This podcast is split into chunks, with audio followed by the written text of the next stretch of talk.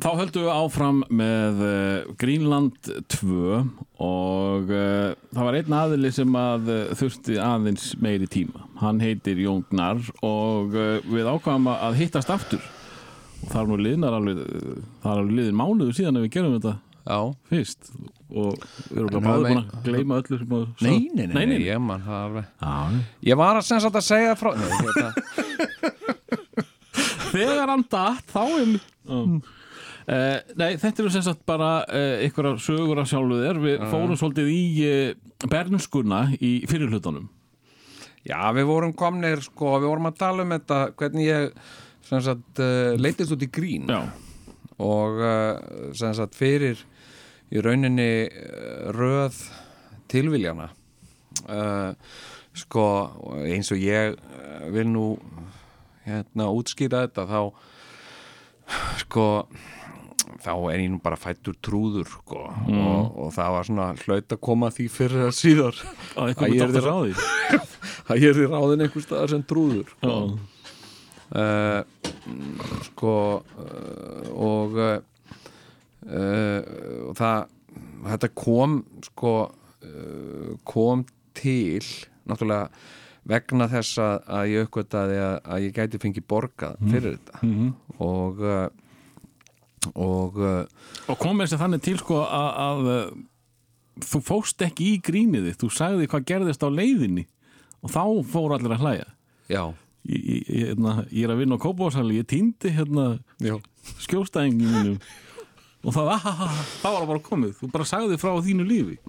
Já, ég, sko, það var, ég var að reyna að búa til eitthvað svona prógram og við Sigurjón byrjuðum svolítið, hérna, við vorum í kaffileikhúsinu og vorum með einhverja rosalega langsóta sketsa sem að, sem sagt, uh, voru, hérna, um, uh, sko, einhverja menn, einhverja tvo breska menn sem að hittust á brautarstöð og og svo voru eitthvað svona samræður hvað segir þú? Jó, ég sé allt gott Er þú að taka 7.30 lestina til Southampton?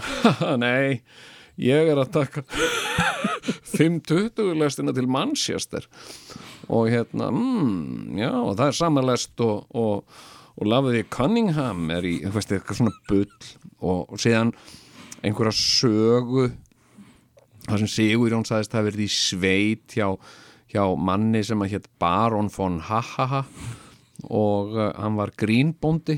Ah, grínbóndi, hvernig bóndi er það? Hérna hann, sem sagt, hann er með dýr en hann, hann slátrar þeim ekki sko, hann gerir bara grína þeim og hérna, já, einmitt. Og hérna og ég var í sveit hjá honum og við fórum alltaf á hverju mótni og hýjuðum og benljutnar og þetta var svo langsótt og, og hérna uh, sko en okkur fannst þetta ógæðslega fyndið. En þetta var kannski ekki alveg sko einhverjir uh, tveir uh, ungir slánar eitthvað á sviði að segja eitthvað svona. Þetta var bara fór fyrir ofangar og neðan hjá fólki En, en það var þe- þessi klíka eða ekki sem að, sem að mætti og, og fíla þetta? En þegar kannski hafði ekki, hafði ekki náð út fyrir klíkusteinana? Nei, sko, þessi klíka sko, sem að var svona þetta, þetta krú þetta, þetta, þetta eh, sko, fólk sem að við vorum að hanga í kringum og voru að hanga í kringum okkur uh, sko uh, þeim fannst við bara á svo fyndnir og bara við fórum bara eitthvað upp á svið og, og svo, ja, hann bara hún, ha ha ha, hann er grínbóndi og það, sagt, og síðan vorum við náttúrulega sko að tralla og, og hérna og hljómsveitin Kleopatra var til og er, er hún snemma í ferlinu? já, það, hérna, þetta var svona partí atriði sem að við Sigurjón uh, vorum að gera í, í hérna, uh, svona eftirpartíum og svona. Uh, uh, og og hérna vorum með sko nokkur lög, við vorum byrjar að gera þetta áður en að ég uh, flutti til Svíþjóðar. Mm. og hérna sko og það verður náttúrulega að hafa þarna líka í huga sko og, og hérna ég hef það nú alltaf í huga að ég er og hef alltaf verið alveg gufurglaður sko. hérna það er að segja sko ég er ágætur og ég er ekkit vittlaus sko, ég er alveg eldklár Mm. en höfuðið á mér er svolítið eins og svisneskur ostur sko, það er allt fullt á hólum og uh, sko mm, hérna sem þú eru við sigur án kynntumst þá fannst mér hann alltaf að heita Kristján. Og, uh, og það tók við vorum búin að þekkjast alveg hálft áraður en ég fattaði að hann hét ekki Kristján sko.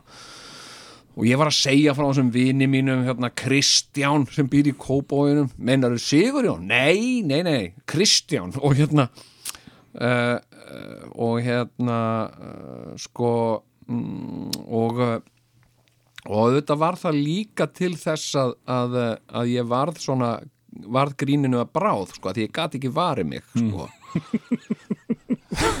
ég hafði ekki vita á að verja mig og hérna uh, uh, og síðan sko og, og, og Kristján þessi hann var með miklar ambisjónir. Og hann var svona hann var svona hugsuður. Hann hafði svona framtíðarsýn og, og, og gerði plan og eitthvað og hérna og var með svona mm, hugleðingar um það hvernig hlutir ætti að vera sem að ég var nú ekki endilega mikið með sko. Og uh, hann var svona uh, svona sko maðurinn sem sagði jú, jú, veistu okkur það er? Nei, okkur það? Það er vegna þess. Og svo var hann alltaf með einhverja svona einhverja svona teóriur og svona. Já. og uh, og hérna og við vorum uh, með þann draum að að, uh, að vinna í sjónvarpi og hérna okkur langa að gera sketsaþætti, svona grínþætti svona alvöru sko alvöru grínþætti. Og hérna og hérna uh, og vorum svona plana þetta. Sigurjón var meira þú veist, náttúrulega bara komin meira inn í tónlistaferilinn og, og uh, og ég var svolítið svona tilneittur til þess að uh, þegar var verið að byggja okkur að skemmta að fara bara einn. Já, já.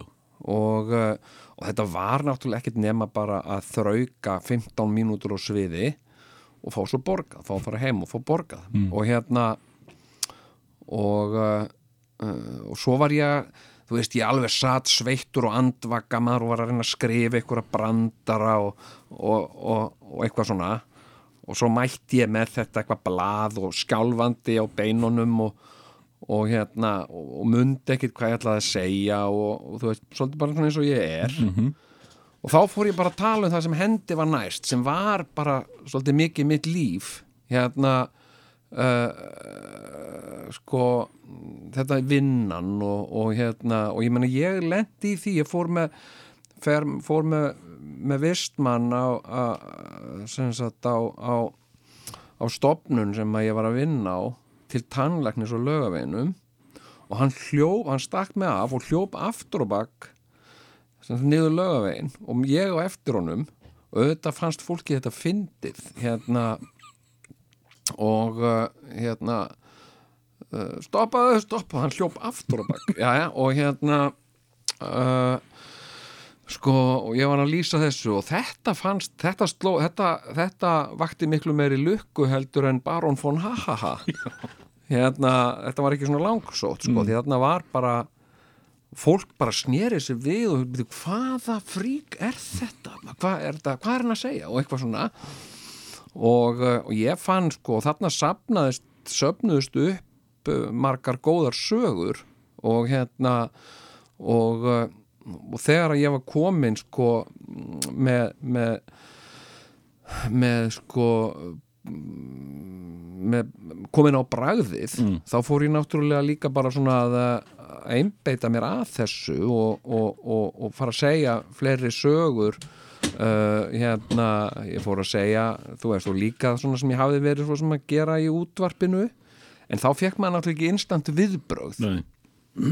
En ég fór að segja sögur af, af fjölskyldu minni og, og sjálfu mér og nærsýninni og, og hérna uh, sko, og það er svona uh, þróuðust og þroskuðust þessar sögur. Og, uh, mm, og hérna og svo vorum við segur á náttúrulega í útarpinu og þar var, var ég að gera uh, svipaða hluti, segja sögur eða búa til eitthvað bull og, og, hérna og hérna uh, og síðan sko, svo gerist það. Og það er nú alveg merkilegt sko. Hérna við Sigurjón vorum komnir með hugmynd af sketsaþáttum. Fórum og töluðum við uh, Sigur Valgersson sem var dagskrástjóri á Rúf og þá höfðum við, nei, alveg rétt já, við vorum hérna með tvíhöfða og, og hérna hefðunatfelli og framkoma. Já, í dagsljósinu. Já, í dagsljósi. Mm.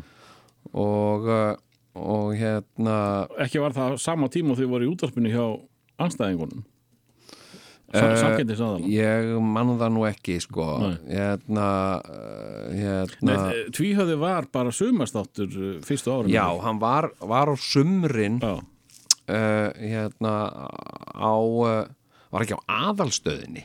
Jú, var eitthvað aðstöðinni Já, og ég man sko, ég var að vinna á X-unu þegar voru færður yfir á X-ið já, það nefndi enginn að tækna ykkur.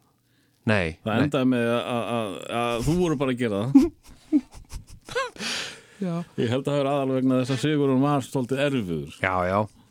Sigurjón uh, hann, hann er náttúrulega skapofsamaður hann er skapofsamaður og sama hvað hann klúðrar þá verða alltaf tækni manninum að kenna þú ert hálfviti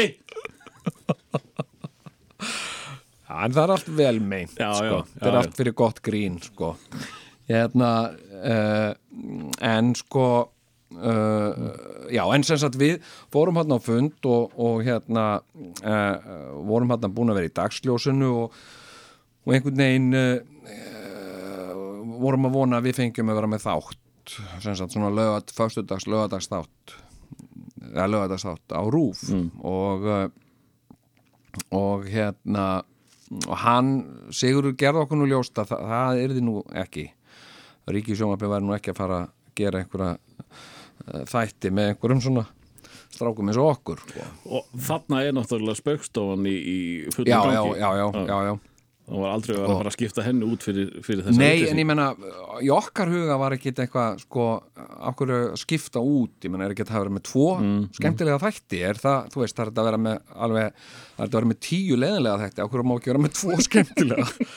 Og hérna, uh, sko, uh, og þá, sem sagt, þá er hérna uh, ungur, uh, ungur kvikmyndagerar maður, leikstjóri, sem hafi verið að vinna með okkur í í, í hérna dagsljósi Styrmi Sigursson og uh, uh, hérna mm, hann uh, sem sagt var byrjar að vinna þarna fyrir uh, nýstofnað sjónvarstöð sem á stöð þrjú.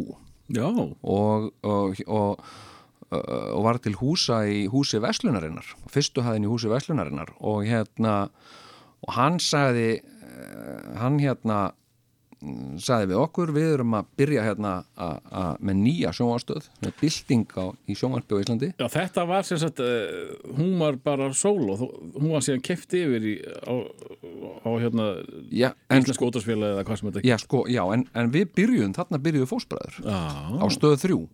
Við hérna, þetta var allt uh, sko, þetta var allt meira og minna unni í sjálfbóðavinu mm.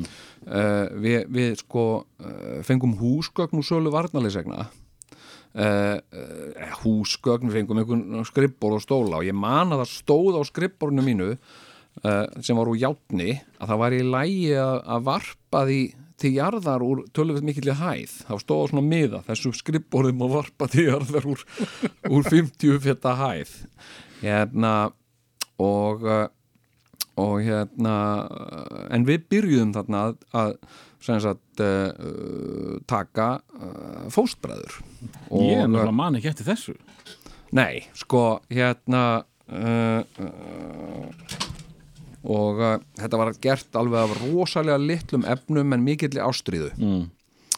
og, og þarna voru Benedikt Erlingsson og Hilmir Snær uh, með okkur. Og af hverju þeir? Sko Sigurjón hafði séð þá uh, sko að því að Sigurjón uh, var meiri sko meiri tengill heldur en ég sko að því að hann svona, þú veist, hann þekkti hann var svona spaði, sko, ég var bara lúði sko og hérna, Sigurinn var svona spaði og í leðjakka og í hljómsveit og, og mætt á böll og, og, og hérna og fólk var actually að tala við hann sko, það var enginn mikið að tala við mig sko, hérna þannig að hann hafði verið í einhverju leikarapartí og hafði séð Hilmisnæ og Benna sem verið að skemta þar með, með svaka fyndið fyndið hérna atriði sem er minnir að hafi verið hérna hérna og kistu mig eitthvað, eitthvað já. hérna uh, hérna, já, lokaði bara augunum draðin andan og kistu mig hérna, nei, ég er ekkert að fara að kissa nei, ekkert máli hérna. Hérna, eitthvað svona eitthvað svona slökun hérna.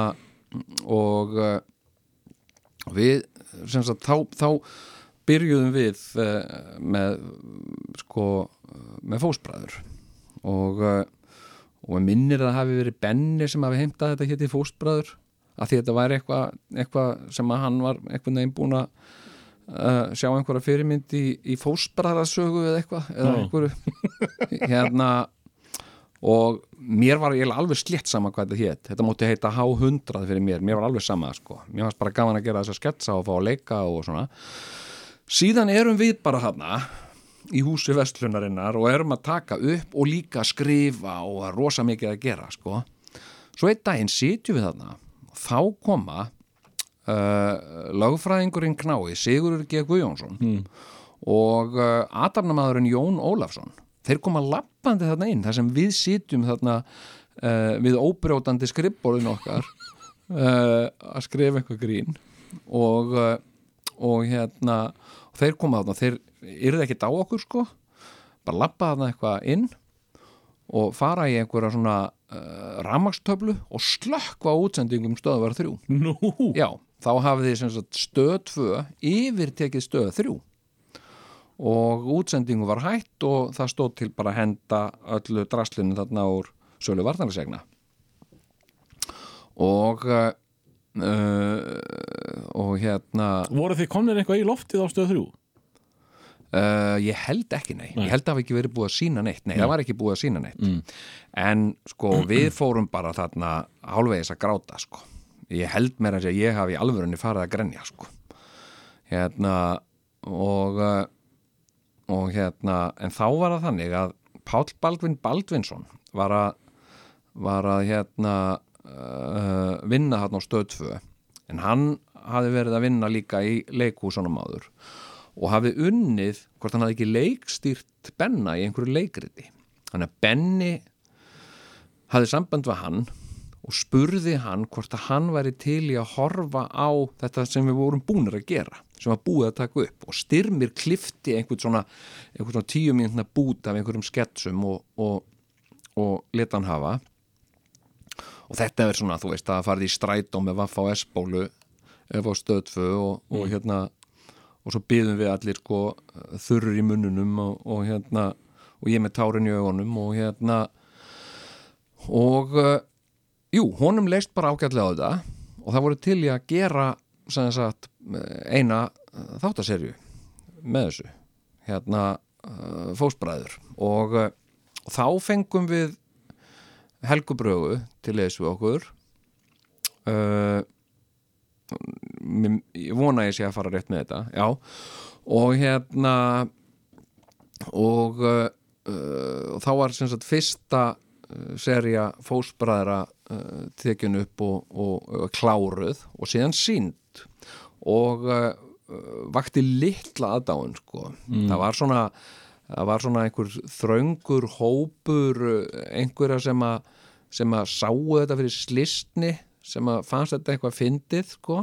en það var mjög uh, hérna það var mjög lítið og það var skrifað um þetta sem einhverja svona uh, máttlausa tilraun til, til vera fyndin, eitthvað svona og, og, og hérna svona fjölmiðla skrifbendar, skrifuður frekar svona, það var ekki, það var ekki mikil stemninga fyrir þessu á sama tíma var stöð 2 að með metnaðarfulla framleiðslu á vönduðum sjónvastátum sem hétu Kallakaffi Já, sem að almennt var meiri hrifninga þannig på stöð 2 og uh, og hérna og við vildum bara fá að gera meira vildum bara gera meira fóstbræður. Við vorum endalaust af hugmyndum og efni og við vorum alltaf að koma með nýjar og nýjar hugmyndir og hérna og uh, sko en þá var okkur sagt að að uh, sko það væri í rauninni sko nú þurfti þeir að velja hvort er þetta að halda áfram að gera fósbræður eða halda áfram að gera kallakaffi og kallakaffi var að fá miklu meira áhorf og svona já, já. og hérna og hérna í minningunni þá mann ég ekki mjög gott umtal um kallakaffi Nei, það, þau, þeim fannst þetta alveg frábært þarna mm. upp, á, upp á stöð 2 sko, þeir sem voru þar í forsvari sko. og hérna og hérna uh, en síðan síðan fengum við að gera aðra serju og, og síðan Veistu hvern, af hverju með að við undirtæktir með fyrstu serju Já Hvað fekk þá til þess að hleypa ykkur aftur í nóttu? Sko, ég, við vorum náttúrulega alveg gríðarlega uh, um, okkur var gríðarlega umhugað um þetta. Mm. Við börðumst fyrir þessu og við vorum sko eins og gráir kettir þarna ringjandi á klukkutíma fresti, komandi þarna, bankandi, standandi þarna tveir uh, eða, eða þú veist allur hópurinn. Og, uh, og hérna sko og svo uh, jögumstu við í Páli Baldvinni og, og hérna við vorum svona að lobbya þetta svolítið sko. Mm. við hérna börðumst fyrir þessu og og uh, það var heldur ekkit að borga okkur neitt of mikið. E, í minningunni þá finnst mér nú að hafa gert þetta meira á minni í sjálfbóðavinnu sko. E, en þarna sem sagt e, sko og ég veit það ekki sko því að, því að sko viðtökurnar á fósbræðurum voru ekkert sérstakar sko. Og það var svona á öllum sérium mm, já sko það það, það er það er, það er unnu sig áliti en, en ég man sko hérna uh, maður var að fá á sig uh, mjög svona vafasama fyndræna gaggríni Uh, sko fólk var að segja, þú veist, þetta er ekki fyndið, þetta er bara dónaskapur og eitthvað svona. Mm. og og hérna það er, það er, það er eh, einn skett sem er mér sérstaklega minnistæður sko, eða viðbröðin við honum og ég man nú ekki í hvaða serju það var uh, en það var sketsin hvað að gera við afa. Mm -hmm. og og hérna alltaf þegar var búið að sína sko ég kom einhvern veginn upp á stöð 2 og þá voru stelpunar á skiptiborinu í ágrúslinni, þar voru að segja mig hérna, sko þið verðum að fara að endur skoða þess að þætti, því að fólk er alveg brjála át af þessu, ha, í alvörunni? Já, það er bara logar allt inn ég aldrei lendi í öðru eins og, og ákveður fólk svona reitt það bara þólir ekki þess að þætti og það er staðrind að aldrei í sögu stöðvar 2 hafa jafn margir sagt upp áskriftinu sin til að mótmæla dagskráni eins og þegar fóstbæður voru síndir hérna og hvað fenguðu marga serjur? fjórar, fimm eða hvað? fimm serjur já. Já, já. En, en hérna sko og, og, og ég, mér fannst þetta svo skrítið að, að hérna mér, fólk hlýtum bara að vera miskilit eitthvað, þannig að ég kom upp á stöð 2 sem sagt eftir að næsti þáttur var síndur og satt með stelpunum og svaraði síman mm. Og hérna og það var einmitt í þessum þætti þegar að sketsin hvað á að gera við afa var sindur uh, sem að mér uh, hefur alltaf fundist óbóslega fyndin og velhefnaðu skets og, uh, og hérna og þarna ringdi kona uh, sem var svona óbóslega reyð út af þessu. Og hún sagði að þetta væri virðingaleysi og óvirðing við, við uh, gamalt fólk. Mm -hmm. ég sagði nei, mér ekki samála því sko, þetta er nú meira svona verið að verið kannski, er ekki verið meira svona gaggrina bara hvað hva, hérna uh, hvað ummönnun uh, sem þess að gamars fólks er oft uh, ekki nógu góð eitthvað svona sagði og þá kom í ljóð sem hún var að vinna sem að hún forstuði maður á einhverju elliheimili. Þannig að henni fannst þetta önnur móðgun. Og síðan sem sagt uh, sem sagt sagði ég henni að ég var að vinna við þessa þætti. Og ég var þá ekkit svona þekkt nafn eins og ég er núna. Og, og hérna uh, og ég, heiti Jón og, og ég leik hérna í þessu. Og ég sagt, er einn af fósbræðurum og, og hérna og hérna uh, og ég er, einmitt, ég er að leika í þessum skets ég er maðurinn í sketsinum sem að stingu upp á því að fara með gamlamannin og skjóta hann.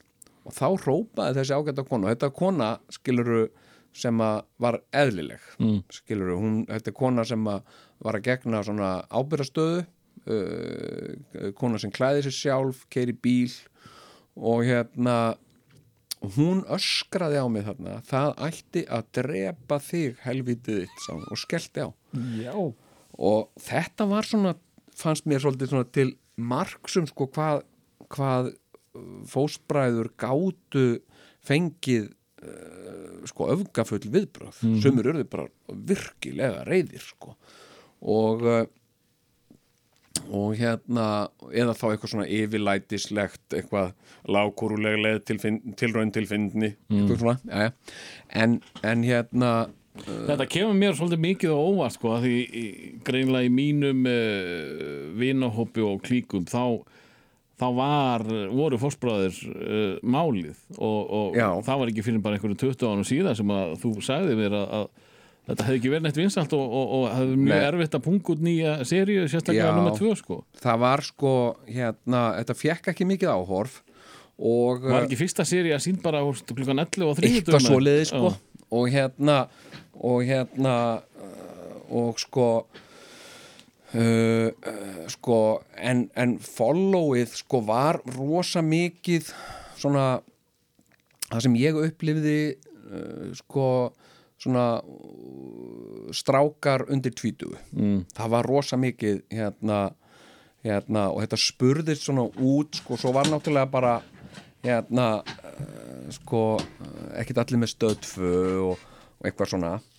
Og uh, en, uh, en síðan sko uh, og síðan svona vatt þetta upp á sig og varð vinsætla sko og, og ekki svona kontroversialt en ég held að fósbræður hafi fengið miklu meira áhorf í endursýningum heldur þeim fengur nokkuð tíman þegar þú síndir sko. Já, já, og, og er að fá áhorf, áhorf í dag í endursýningu. Já, já, já, já, enda, enda hefur það svolítið gengið eftir sem að við uh, sko lögðum að stað með og það var að búa til sagt, uh, klassíst íslenskt gamanefni sem að væri ekki sko periódist, sem mm. væri ekki einhvern veginn að díla við einhvað sem var að gerast sko, sem er bara önnur tegund af, af, af gríni og uh, og hérna þannig að það er mjög mörg atrið í fósbræðurum sem lifa bara góðu lífi í dag sko. mm -hmm. uh, en sko hérna uh, já og, og, og, og svo þarna í þessu sko þá var ég að fara svona öru kvoru eh, eitthvað á skemta ég var að, þá var við að beða með að koma á Bíldudal, ertu til að koma inn á Bíldudal og, og, og, og hérna við erum hérna með Bíldudalsdaga og eitthvað svona og ég uh, var, að, var að hérna fara þetta. Og á þessum tíma uh, sko þá, þá var ég, ég gríðarlega flugrætur. Mm. Þannig ég kerði allt sko hérna uh, þú veist ég var að skemta í mentaskólanum á eigilstöðum og kerði ég bara leði ég á stað sko áttaði morgunin komin á eigilstöði áttaðum kvöldið skemti hérna frá tíu til öllu og kerði svo aftur í bæin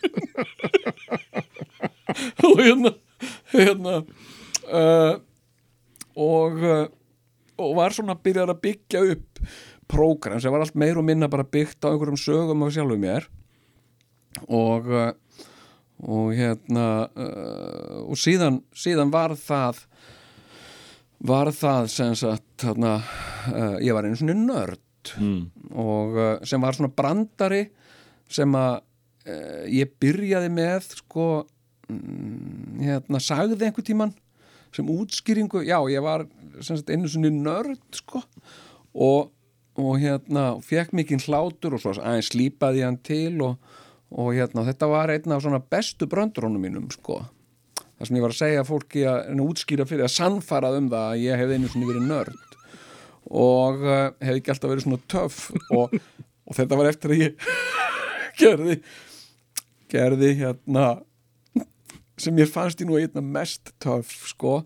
Ég gerði hérna gerði auglýsingar ég las í einhverjum útarsauglýsingum fyrir uh, uh, skíðafata uh, verslun sem að seldi hérna Burton, hefði ekki Burton. Ég þekki það ekki. Jó, Burton hérna skíða uh, sem að var og ég held ég ennþá gríðarlega inn og þótti töff.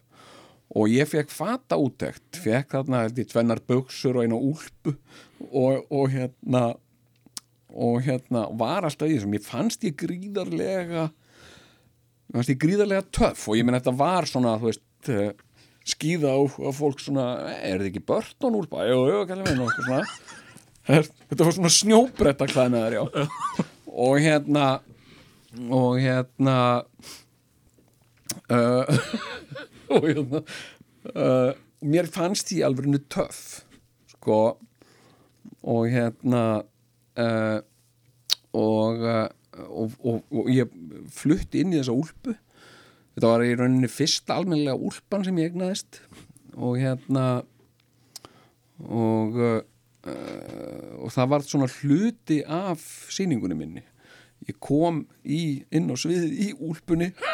Og það voru svona það voru, gáttu farið alveg nokkra mínútur í að sagt, fara úr úlpunni og Þegar katt er í veðri og stormur úti Er gott að eiga góða úlpu. En, uh, Var þetta lag til þegar ha, úlpulægið fóstbræðurum Danst ekki eftir því? Jú En, en hérna, þegar að sko, uh, þú ert farin að- að að rúnda um landið ekki, ekki, ekki flögstu nei, uh, hvenær kemur svo pressa á því að, að stiga á svið og gera þína eigin sýningu er, er þetta frá þér komið eða, já, þetta var frá mér komið. Mm, uh, uh, sko uh, það hefðu einhverjir verið að segja þetta við mig, hvort að Sigurjón gott ef að Sigurjón stakk ekki upp á þessu einhvern tíma þegar ég kom keirandi frá eigilstöðum og það sagði mig, akkur er ekki bara með þína eigið til eigið sjóf? Hæ, hvað meina bara akkur gerir ekki bara eitthvað sjálfur inn í reykja keirandi eitthvað eins og hálfviti hérna og þetta alltaf í marga daga. Þú veist, ég skemmta í mentaskólanum í Ísafjörði, ég keirði þanga mm. keirði í djúpið hérna uh, sko og þá og hérna sko uh, þá fekk ég þessa hugmynd og ég fór eitthvað svona að leita mér að, að stað til að vera með þetta og, og, uh, og fekk inni hérna í loftkastalanum og ég ákvað að prófa bara að vera með, ég held ég að vera þrjár sýningar. Mm, sem að hérna uh, hérna uh, sko ég hafði að því að ég náttúrulega gríðarlega mikill unnandi uh, gríns eða var það minnstakosti að þá, þá fylgdist ég rosa vel með öllu sem var að gerast. Og uh, og hérna uh, hafði fylgst þarna með uh, fyndnasti maður Íslands og ég hafði verið beðin um að vera í einhverju domnemnd eða eitthvað svo leiðis og, uh, og þar um þetta svipa leiti uh, sá ég sagt, Pétur Jóhann Sigfússon og ég var algjörlega ég bara, það, það, það bara sko, ég þurfti ekki svona að heyra hann tala sko, bara þegar hann kom lappandi þetta inn á sviðið þá var ég byrjar að hlæja og ég hugsaði ok, þessi maður er, hann er eitthvað snildaverk þessi maður. Og hérna og, og, og það eh, það stemdi. Hann var ógeðslega fyndin, þannig að ég fekk hann til að til að uh, hita upp fyrir mig þarna. Stöldur maður þarna við á, á, á þessum tíma já, þá, sem sagt, þið voruð að vinna hjá fínu miðli sem var Exið og FM og þetta dót. uh, þá kemur Jón Ólafsson aftur uh, til kastana og hann kaupir ykkur yfir og býr bara til útastöð handa ykkur nei, það, sko nei, þetta Nei. var nefnilega þetta, þetta, er, þetta er merkileg saga uh, sem að sko verður aldrei í, í í, í neittni af þessum uh, bókum um fjölmiðlasögu Íslands hérna, sko, það var við vorum að vinna þarna hjá fínu miðli. Já, og, og Saga Communications Já. koma hann inn. Já, Saga Communications. I see a star in you, Peter.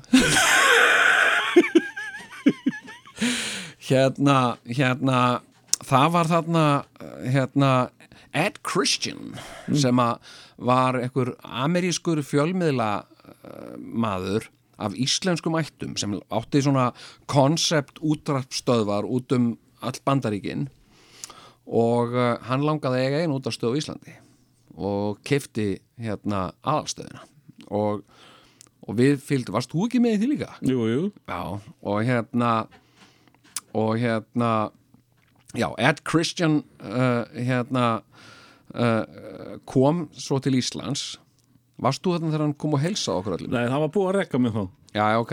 En, en hann vildi sem sagt uh, færa uh, Íslenskt útarp til nútímans. Til nútímans, já, Já, og vera með jingles. Jingles, sungna jingles. Já.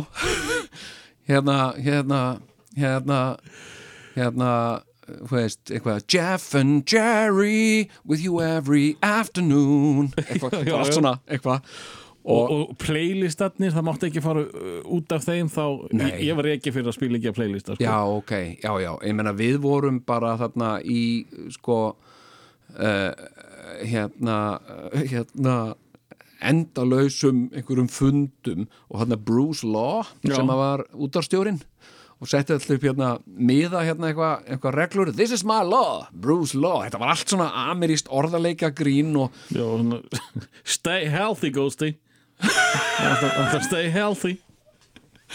Hérna og, uh, og síðan sko gerðum við áttum við að gera jingles mm. við hérna sem sagt uh, hérna uh, sem sagt skrifuðum áttum að skrifa niður fengum eitthvað svona jingle Dangadidum, dum, dum, dum, dum. og hérna áttum að skrifa einhver jingle hérna uh, og við skrifuðum bara bull mm. og við skrifuðum hérna hérna í raskatin á þér alla daga eitthvað svona, bara eitthvað sem okkur dati sem að, Nei, og það var í, í góðu stuði og erotík Já! og svo, ég man eitthvað veist, hérna, og allir eru í fílingi Já! við gerðum þetta. Við vorum svo tíu mínútur að gera þetta því að þetta var svo leðilegt svo var þetta sendt og svo kom þetta tilbaka. Þá var einhver kór, einhver mormónakór inn í Júta búin að syngja þetta. Hérna raskatin á þér alla daga. Já! Og hérna og þeir urðu svona ofbóðslega reyðir Er það? já.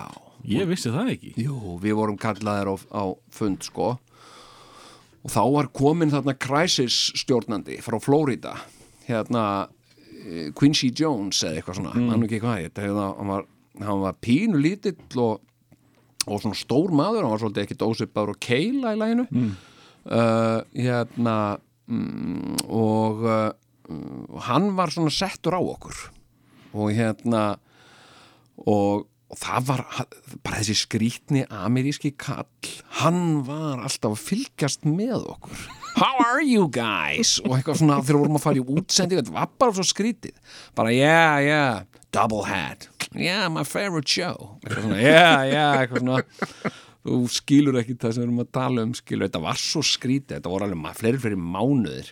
Sem að þið voruð bara hérna undir hans hamrið eða eitthvað? Já, í þessu, í þessu ameríska bulli. Já, og svo kom þessi Ed Christian hann kom til Íslands og allt starfsfólki af látið raða sér upp. Og svo kom hann hann horfði aldrei framann í neitt hann gekk á línuna og sagði Hi, I'm Ed Christian, how do you do? I'm fine, thank you. Hi, I'm Ed Christian, how do you do? I'm fine, thank you. Og allir eitthvað, yeah, I'm, I'm yeah, og svona eitthvað muldur. Og hérna og, finnst við vorum bara svona nobody hérna í hans augum sko. Svo bara hérna vorum við bara báðir við vorum, og það var búin einmitt takmarka tíman okkar, innkomur máttu ekki vera lengri Já, svona og hérna, einhver, einhver uppskrift. Já, og ef við fórum fram yfir tíman þá var hérna þessi glaðbeitti feitlagni Florida kall komin á hurðina. Hi guys, are you still on the air? þetta var bara svona Yeah, yeah, we're telling a story about Guffi bílasali, yeah, yeah, eitthvað svona. Og endanum bara uh, hérna held ég sko jafnvel að Sigurjón hafi sagt bara eitthvað dónalegt við hann sko. sagt honum að drulla sér út eða eitthvað mm. og láta okkur í friði þarna Það fór ekki vel í kannan Nei, Nei. og hérna I was a bit disappointed man eitthvað svona og hérna þetta var bara ekki, þetta var bara ekki að fara neitt sko Nei.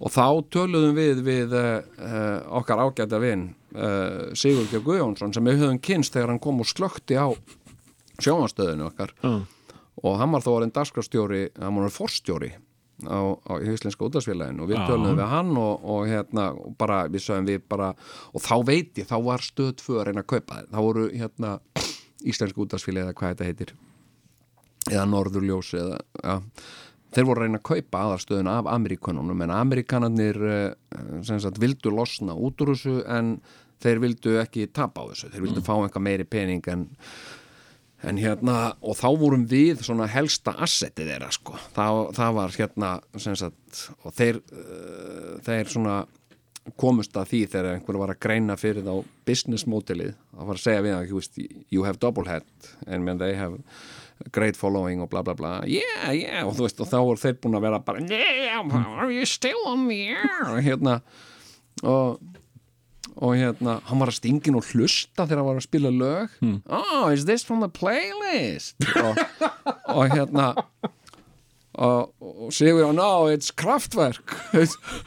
Not, oh, I don't think that's on Kraftwerk. I don't think that's on the playlist. Yeah, yeah, bara, wow. Þetta var bara eins og að vera bara alltaf með lopa hnóðra í, í, í hálsunum sko. Uh, þannig að við tilkynntum það að við ætluðum að bara hætta þarna við nefndum þess ekki og þetta væri bara ekki að ganga og við værum farnir að, að ætluðum að fara að vinna fyrir stöð 2 og, og það varð rosa urðu rosa læti og, og hérna, uh, hérna C.G. Jones C.G. Jones. Jones, já. hérna hann uh, óskaði eftir fundi með okkur hérna einum loka fundi hérna uh, uh, sko uh, það sem að hann báði okkur um að hitta sig á Hotel Borg og við fórum og hittum hann. Og hérna þarna sátum við tveir bara að þreja bara sína honum þá virðingu að mæta þarna sko. Og hann hélt svona langan ræðu. When I was a little boy eitthvað frá Flórida, þetta var svo skrítið. Var að segja okkur þegar hann var ungur maður og pappi hans saði við hann ekki gera þetta. Hmm. Og, og hérna hann hefði betur hlusta á föður sinn og eitthvað svona. Og hann var síðan að segja sko nú er ég svolítið eins og faðir minn og þið eru svolítið eins og ég og eitthvað svona. Svo dró hann upp nýprentaða samninga það sem var búið að hækka launinu okkar um 20.000 krónur eitthvað svona. Og uh, lagði á borðið sagði hérna final offer.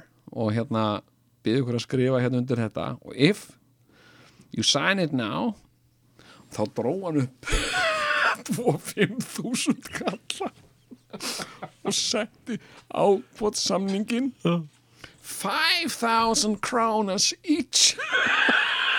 Þetta var og hérna þetta var svo vandraðlegt og óþægilegt og þú veist og bara uh, hérna hann var bara svo hann var bara svo rosalega ekki skilur, hann hefði örgulega verið flottur á einhverju bílasölu í Flórida skilur, og gert flotta díla en á að reyka útvarpstöð á Íslandi það var bara ekki hans forte sko og, og við bara sögðum við að nei, við erum, skrifum ekkit undir neitt og bara verður blessaður og bara vonandi sjáum við þig aldrei aftur og bara og svo ætlum við að bara tala ítlum við í útvarpinu í nýja þættinum okkar.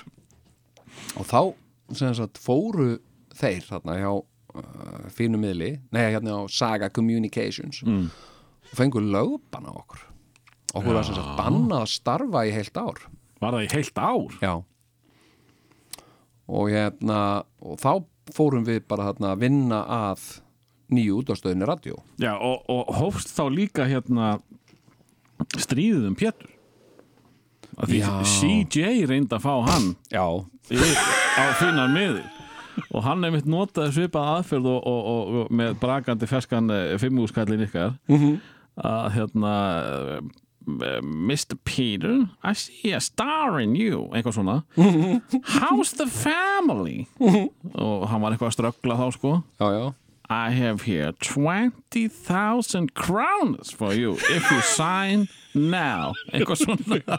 Og, og náttúrulega Pétur, hann vantaði pening þá já. en hann vildi fara til tvíhjöða sín. Já, já. Það, ég meina, sko enda voru þeir líka alveg stórlega þeir, þeir ruggluðu saman dollurum og krónum. Þeir heldu, hann CJ Jones held held ég að þetta væri svona svipað 20.000 íslenskar væri 20.000 dólarar hann fannst hann vera að leggja bara þygt búnt á borðið sko. Og 5.000 kall væri 5.000 dólarar sem að þetta var allt bara svona þú veist, þetta var bara þetta var sko brjóstum kennanlegt En hérna, manstu eftir því þegar að sko, þið vantilega vissuð af því að uh, Saga Communications vildu fá Pétur í nýjan morgun þátt uh, á móti ykkur. Já, já. Uh, á sama tíma voru þið að reyna að fá hann og, og, og þið fengu mig síðar til þess að, að hérna, tæknan held ég eða eitthvað Ég svoleiðis. man ekki eftir þessu maður. Ég man ég man nefnilega sko að uh, við vorum ykkur að 2-3 mánuða að gera ekki neitt. Já, já, það var bara sko, fengum hann alveg rísa álmu fyrir okkur þar sem Já, við bara mættum og, og, Og þú hann- og Pétur fóruð í, í svona grín uh, bardaga heilu dagana. Já, já. Maður svona grét í, vinnunni í, í margar vikur.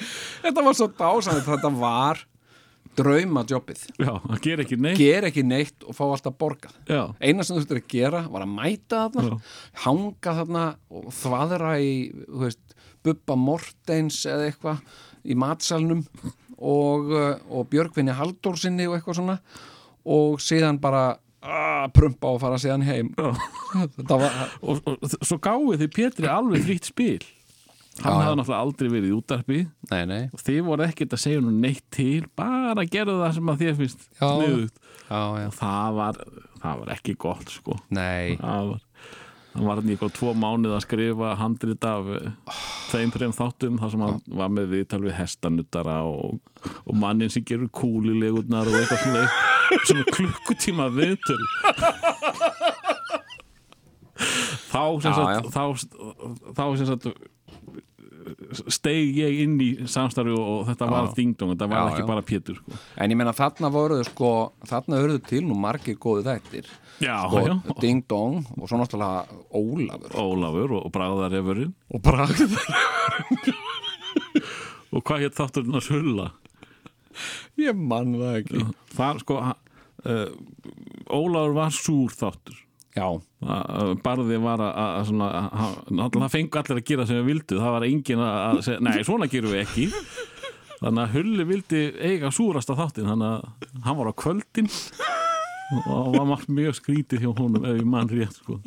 en þetta er bara útudúra því að, að eh, þú fegst þarna Péturs eh, til þess að hita upp fyrir þig í, í, í í uppistandinu. nördunum Já Og, uh, og hérna og þetta gekk svona glimrandi vel. Það voru þarna þrjár sýningar. Ja, alla, var alla fullar alveg? Alveg fullar. Það var, það var uh, hérna uppselt alveg upp í rjáður og, og, uh, og þetta fekk svona uh, fínar móttökur og og, uh, og hérna uh, sko og þá var sem sagt uh, stóð mér til bóða að bæta við sýningum og ég bætti við einhverjum fimm sýningum í viðbót og svo uh, fimm sýningum og svo bara, bara ákveðum við bara að keira þetta bara meðan þetta, þetta gengi sko. og þetta voru hvað, var þetta ekki hundra sýningar eða eitthvað? Þetta var allavega mjög langu þetta tíma var alveg bara uh, þetta var bara alveg ógeðslega gaman sko Fannst þér þetta gaman? Var þetta ekki eins og venjulega þegar þú uh, stegst á stokk uh, að þetta var bara pína og, og svo bara hérna á tómlingi eftir?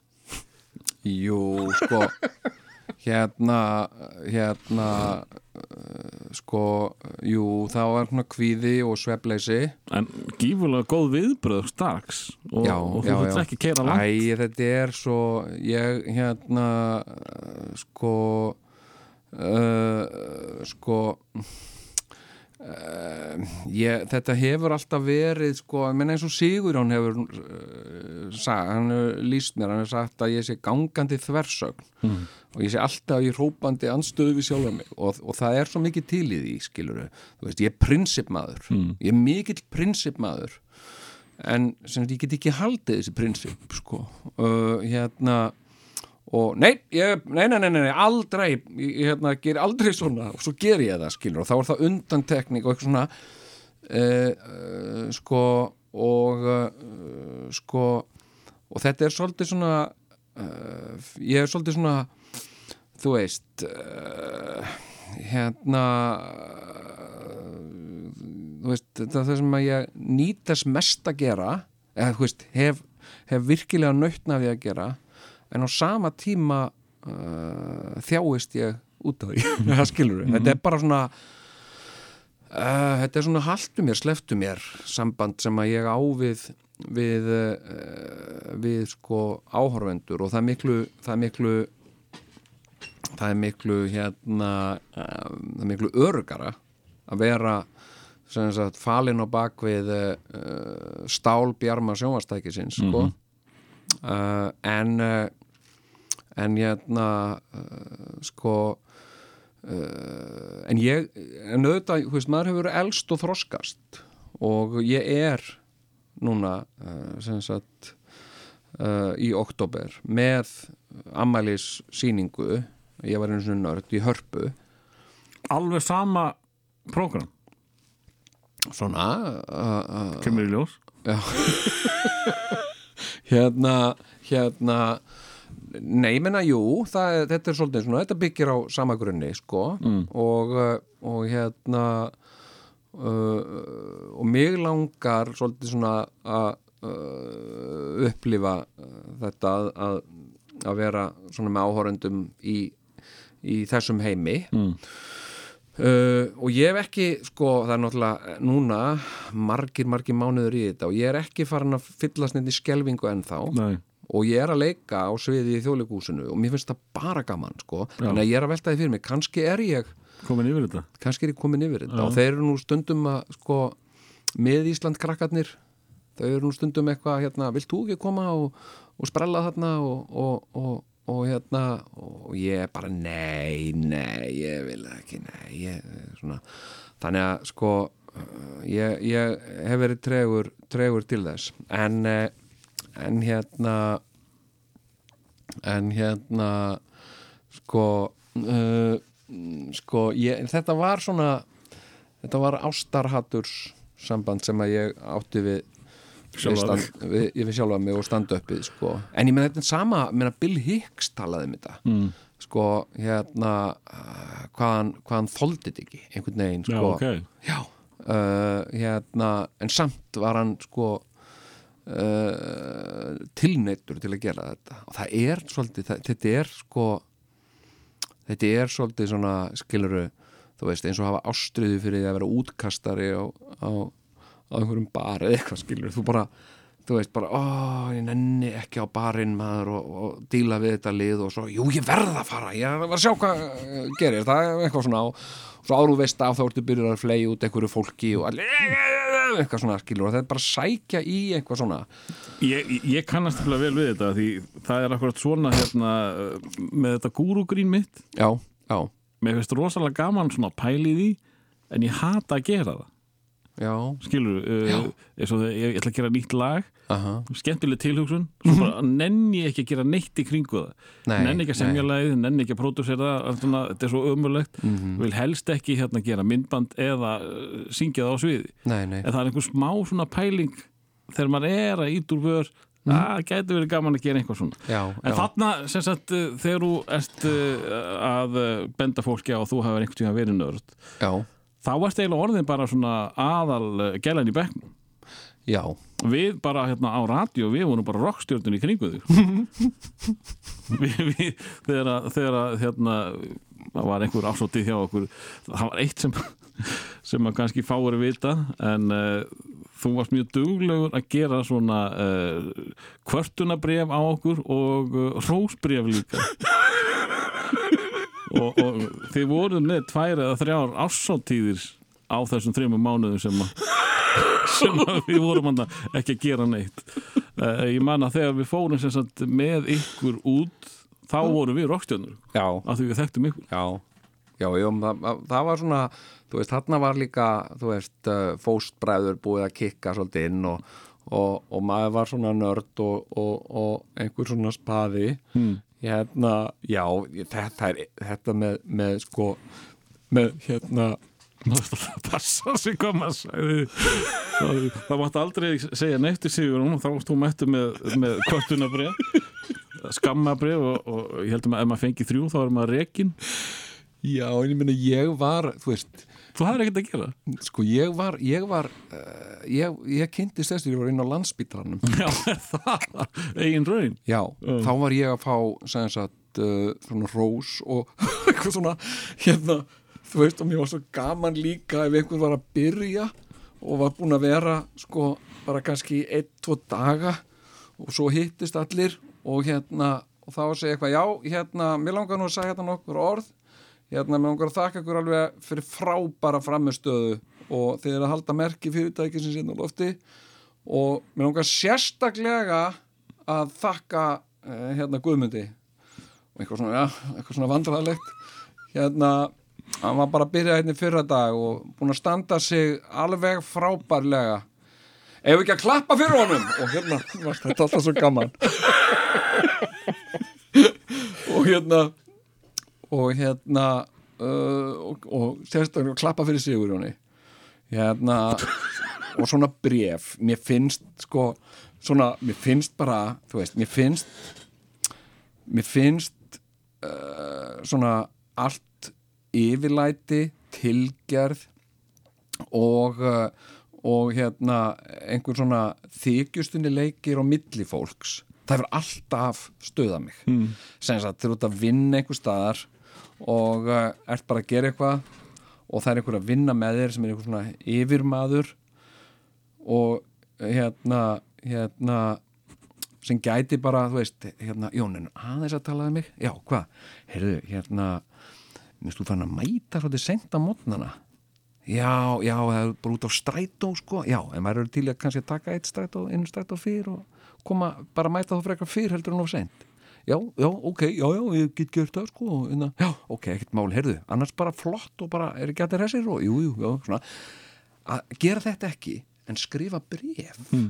hérna, sem ég hef sendt einhvert og, og hérna, já, komdu sæl já, kom daginn og eitthvað svona.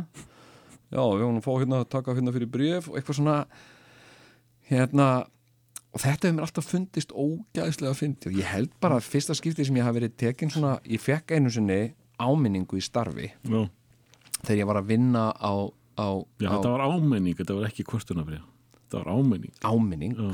já, þetta var ekki bara sagt, er að meina sem að þú varst að skrifa okkur. Já, voru áminningar sagt, eða hrós. Já. starfsmöðu dagsins og svona.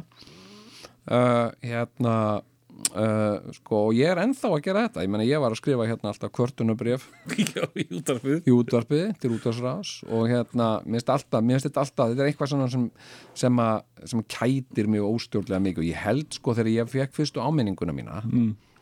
hérna og uh, sem var formleg sem sagt uh, áminning vegna þess að það var ég var að vinna á 33A getildinni mm. sem er sem sagt fíkni deild landsvítalans það sem að sagt uh, alkoholistar og fíknefna neytendur uh, uh, geta, geta fengið aðstóð og það voru gamlárskvöld og þá var mjög mikið af af hérna mm, af heimilislausum mönnum sem áttu hvergi eh, hérna höfði sína halla og fengu að vera á, á landsbítalanum yfir yfir, jól, yfir, hát, yfir hátíðarni, jóla áramót. Og ég var á var á uh, nætuvakt á, á, á gamlarskvöld og þá var þetta þannig að stundum var fólk að koma hérna inn í, í bara jafnvel meðundalöst sko. Og ofta eftir mikið, mikla, mikla skemmtanir. Mm. og þessi kallar voru oft með vindla alveg fína vindla á sér. Og þeir voru teknir af þeim og settir hérna inn í livjaskáp og uh, og hérna og svo máttu þeir sko sagt, jafnvel fá einn og einn vindil skilur, en þeir eru að byggja um það. En svo gekk þarna reykingabann í gildi á landsbítalanum og það var bannað að reykja á landsbítalanum og þetta var bara rétt eftir að það gekk í gildi. Og uh, svo var hann gamla áskvöld og, uh, og hérna þessi kallar fengi enga heimsókn og voru svona öðnulausir og, og við fengum eitthvað þokkalegt að geta þarna og síðan, síðan á miðnætti þá fórum við hann út á svalir. Þá fórum við hann út á svalir og, og hérna og þeir allir sko út úr nikotínplástraðir mátti ekki reykja og voru eitthvað svo umkomulausir og ég fann svo til með þeim. Þannig að ég saði, strákar á ég ekki bara fara inn á vakt og sækja vindla? Þar við um sko árspyrðir af vindlum í alvörunni og ég bara já, já, já, já fór og náði alla vindlana og svo fengu þeir bara keðjur ekki að vindla þarna á svölunum og þetta var til því mér var næstuði sagt upp sko, þetta var brot á reglum landsbítarnas og þarna fekk ég skriflega áminningu þar sem starfsmæður gerðist segur um brjóta reglugerð með 26 frá 7. mæ bla bla bla sagt, og, og vittni lýsir starfsmæðurinn stakk upp á því við sjúklinga þeir fengi eitthvað svona, þú veist, þetta var svona alveg vá, ég held ég að fengi slátuskast þegar þetta var, þetta var lesið fyrir mig, mér var tilkynnt þetta. Uh, en svo var ég líka smá, eitthvað smá hrættur við að, þú veist, þetta væri skilur, fólk sem tekur sér svona alvarlega það gæti líka bara rekið mig skilur En, en sko, að því þú ert aðeins búin að dadra við það mm. sko, það er ekki allir sem þekkja hrekja Jón en hann, hann er alveg til sko. Rekja og lega. Hrekja og lega Jón. Já, og þú er nú eitthvað aðeins farið í þetta í, í, í þáttum þínum en mm. sko fermingaveislan sem þú tókst Pétur með í ó, og, svo gaman maður. og uh, dóttir, ég hef nú heyrt einhverja hrekkjasögur uh, áttu einhverja nokkra kannski? Svona að því að, að við erum bara hérna að ræða málin. Já, ég, við fó, ég, ég og, og Jóka kona mín, við fórum í uh, ammælisveislu um daginn. Mm. og hérna mm, og uh, og fullt, fullt hús af fólki og uh, fjölskylda og vinnir og og hérna og ég lappa inn en hún er eftir hittir einhverja konu í forstofunni og þær fara svona eitthvað svona konutal. Eitthvað svona, já hvað segir þú eitthvað svona, já var það ekki? Og, hérna, og eitthvað og er svona tala og ég lappaði inn í stofu og þar kemur kona og nei, hæ og velkomin, ég jók ekki með þér. Og ég sagði, æ, nei, hún hérna, nei, nei, hún bara liggur heima, sko. Nú, af hverju? Það er bara búin að vera full bara síðan á 50 daginn, sko. Hæ, ég trúi þér ekki. Já, já, hún bara hérna, uh, hún búin að drekka alveg slei, sleitulust, sko. Síðan eh, setni partin á 50 daginn nú, hvað af hverju og ég sé Ég veit það ekki, örgulega eitthvað sem ég sagði eða sagði ekki, sko. Ég er bara, ég er hættur að botni þessu, sko. Og hérna, og ég held einhvern veginn að Jóka myndi koma þá bara lappandi inn, skilur, skrefin og eftir mér. Mm. En svo var eitthvað svona, nei, hæ, Jón, nei, ég glæði það, svona fór ég eitthvað svona, og glemdi ég þessu bara. og hérna, þú veist, þetta átti bara, ég ætla að svo segja bara, nei, nei, ég er að bulla, hún er hann frammi, en ég glemdi því. Svo var ég bara svona tímyndum setna hérna inn í eldúsi, búin að fá kaffi og eitthvað að tala við fólkin í eldúsi og kemur þessi kona alveg öskuðu reið og sagði, þú varst bara að ljúga að mér. Og ég, já, já, já, fyrirgjöðu ég hérna, en mér finnst rosa gaman sem sagt að, að sko, ef ég fæ tækifæri uh, á því að að, að ljúga svona þá reyni ég að, sko, ef einhver spyr mjög um eitthvað, sko og hérna uh, sko og svona ljúa upp á upp á, upp á jóku er, er svona eitt mitt uppáhald sko. En, uh, en svo mann ég nú svo sem ekkert eftir sko hérna ég er náttúrulega uh, hérna uh, reynd að dreifa sögum sko. Þú veist eins og hugleikur Dagsson sem svonur Dagsigur og svona og það hefur gengið vel. -hmm. það trúa því ótrúlega margir sko og líka þetta með að Pétur Jóhann hafi flutt úr Hafnafyrði í Garðabæ vegna þess að hann var hann svo reyður það var aldrei verið bæjarlista með hann Hafnafjörðar og hérna og hérna uh, og aldrei hérna gablari vikunar í, í, í, í hafnafjarðarpóstinum uh, og ég var sko sagt, hann er bæjarlista hann var bæjarlista maður Garðabæjar á síðast ári. og ég held að ég hafi átt hönd í bak Og þú mátt þetta líka sko þegar að þú fórst með hann í fermingavislunni já, var svo gaman maður. Ég er ekki við sem Ó, að hann hafi oft ég gaman að því. Nei, þetta var ógeðslega gaman maður.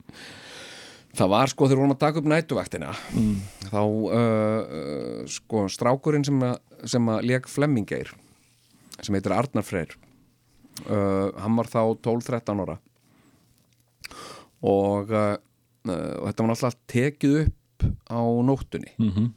og uh, já, sagt, frá 8 á kvöldin og til 8 á mótnana og, og Arnar var oft með okkur sko, heilu og hálfu næturnar og það er náttúrulega sko, ekki mikið við að vera fyrir, fyrir 12-13 ára krakkagrei hangandi á bensínstöðu miðanótt sko.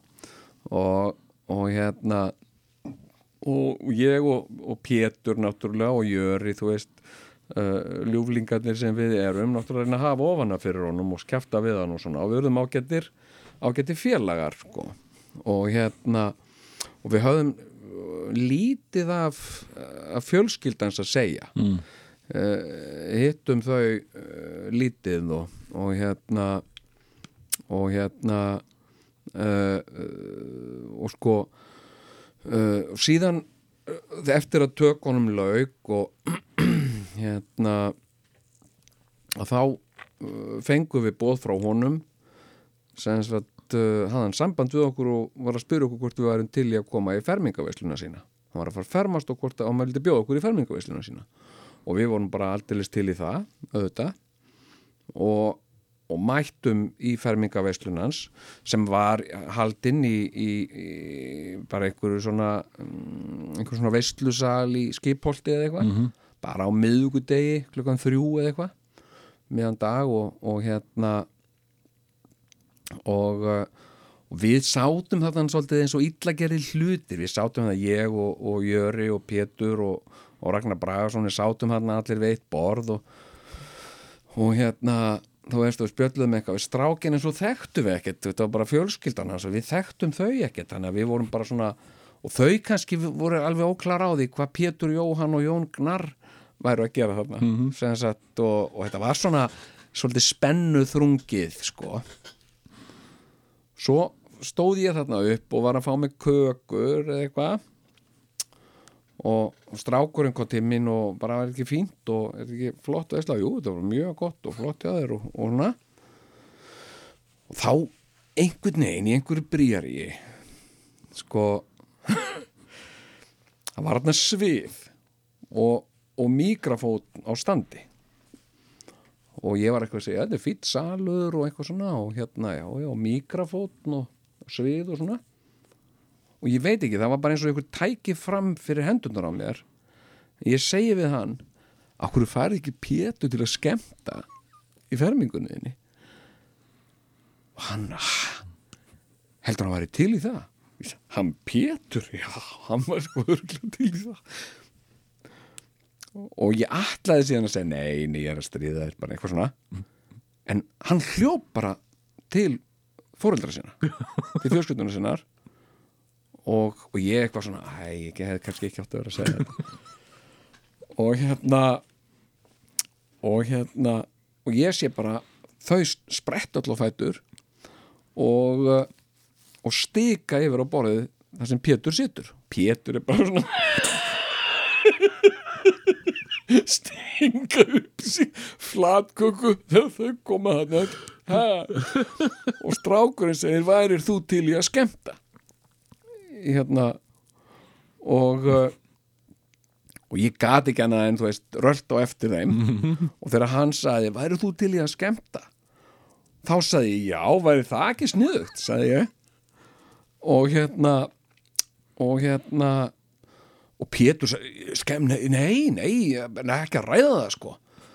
Og hérna, og ég sagði hérna, það er mikrofótn og allt hérna, sagði ég og Pétur, hvað, nei ég bara, nei, ekki að ræða sko. ég er ekki að fara að skemmta hérna, hvað, nei, nei, hvað, ég, veit bara ekki nei, nei, hvernig dettur þetta í hug? Ég bara, nei, ég er ekki til í það sko, og eitthvað svona, ok og eitthvað svona, og bara ekki að ræða það. Pétur bara gerði það allum ljósta hann var ekki til í að skemmta það. Og, uh, og þau löppuðu aftur að borðinu sínu. Pétur var bara eitt spurningamerk bara, wow, hvernig hvernig dettur um þetta í hug? Og ég sagði þetta er kannski ekki svona fjarstöðu kent sko? Jú, hvað hvað ég? Að vera eitthvað fermingavist í skip og því, já, komið þess að er þessir og ég og ég sagði hérna já. Þú hafðir hann að tækifæri á að gera fermingunans óglemalega en þú ákvaðst að gera það ekki. Og hérna þannig ég fekk svona tvöfalt kikk út úr þessu. Mm. sem sagt ég, ég náði að sko uh, uh, sko að að fokka í báðum liðunum sko og, og lappa út sem sigur vegari sjálfur. Hérna og hafði að þessu gríðarlega mikið gaman og uh, og svo hlóði ég svo mikið að þessu. Og þegar ég kom heim þá saði ég Jóku frá þessu. Henni fannst þetta ekki fyndið og hún sagði nú ringir þú í Pétur og segjar honum frá þessu. Og ég sagði nei, það skemmir brandar það, hérna hann komst ekki að þessu fyrir en töluvert setna sko. og hérna og alltaf þegar þetta sko, hann spurði mig einu sinni þá ringd hann í mig og spurði mig hérna á, ég er búin að sitja í mér sko, finnst þér ég hefði átt að að skemmta það auðvitað áttur að gera það. Þriðji sigurinn. Hérna uh, Pétur gleymir þessu aldrei. Að því þetta er svo mikil gæðasál að hún líður svo illa að hafa sagt nei. Já, Já, hérna allt þér að kenna. en ég get alltaf sagt við hann þegar við tölum um þetta ég get alltaf sagt við hann það hefði verið jafn auðvelt að segja já eins og að segja nei þannig að sko mm, að svona uh, hérna já svona uh, uh, lega og stríðinni stríðinni Jón hérna alveg eins og þegar við sagt þegar þegar að systir mín fór í í, í, eh, í hérna skurðagerð Hmm. og og hérna og ég sem sagt var að uh, ring, ringdi í hana. Hún var sem sagt fór í aðgerð stóra skurðagerð og var síðan komin heim til sín. Og ég, hún sem sagt bjó á Akureyri og ég var að ringi hann og aðtuga með hann og þá var hann á svo miklum livjum var miklu verkilegum og hún var svona næ hvað segir hvernig hefur það? Ég, næ, var bara var, var ég að koma heim núna? Og hérna, já, komst heim í gær já, ég hérna já, en líðin er ekki betur. Já, líður er betur og hérna, já, kann, varst þú inn í gær? Nei, ég er ekki, nei, þú á Akureyri sko. Já, já. Hvað er þetta ekstra í útlöndum? Og ég bara, nei, nei, ég er bara heima hérna Ég er heim í Reykjavík sko. Já, svona. Þannig ég stóðst ekki mátið að ringi hana í tvíhöða Og hérna Í beinni útsendingu Hún var alltaf og hjælti nú snakki alveg heil lengi. Hérna, hvað segir er eitthvað er eitthvað að tala við Það er eitthvað hert í mömmu? Þetta verður seint fyrirgefið sko. Hérna og hérna og uh, og það var náttúrulega sko þetta er náttúrulega ákveðin tegund af gríni mm. -hmm. skilja, þetta er að dansa á grensunni sko og kannski en ég segi sko að dansa á grensunni og þá segir fólks, já, stundum að fara yfir grensuna, en þá segi ég hvernig veistu hvar mörkin liggja ef þú ferð að drifur þau Mhm, mhm. þú verður að fá að fara aðeins yfir mörkin öru kóru til að finna, ok, nú fór ég hérna yfir ákveðin, ákveðin mörk sko, hérna uh, mm, þú veist og og hérna sko, ég veit ekki bara eins og þetta með Pétur, sko, ég hef ekki hvorki gaman af því að, að, að rekja Pétur Jóhann Sigfússon eða, eða stríða fermingabötnum mm. en samt var þetta svo ógæðislega fyndið sko. hérna þetta, En hérna, mér langar aðeins áður en við hættum að- að að fylgja þér í, í, í, í hérna, ráðhúsið. já, Þú varst nefnilega borgarstjóri. ég var borgarstjóri Reykjavíkur sem er höfuborg Íslands Já. já, Og uh, já, svona bara, hvernig var þér tekið þegar þú kemur hann inn? Þú vinnur náttúrulega þarna stór sigur. já, gríðarlega vel það voru fagnaðalæti sko. ég hérna, nei, veistu það sko uh, uh, hérna uh, þegar, þegar að það var ljóst að ég yrði næsti borgarstjóri Reykjavík þá var það samt nokkrum vikum áður en að eh, sem sagt maður er settur í embætti. Þá ringdi ég mig kona frá skrifstofu borgarstjóra. Ringdi ég mig kona og segi já sælu vesaður, ég er hérna kona og er að vinna hérna skrifstofu borgarstjóra.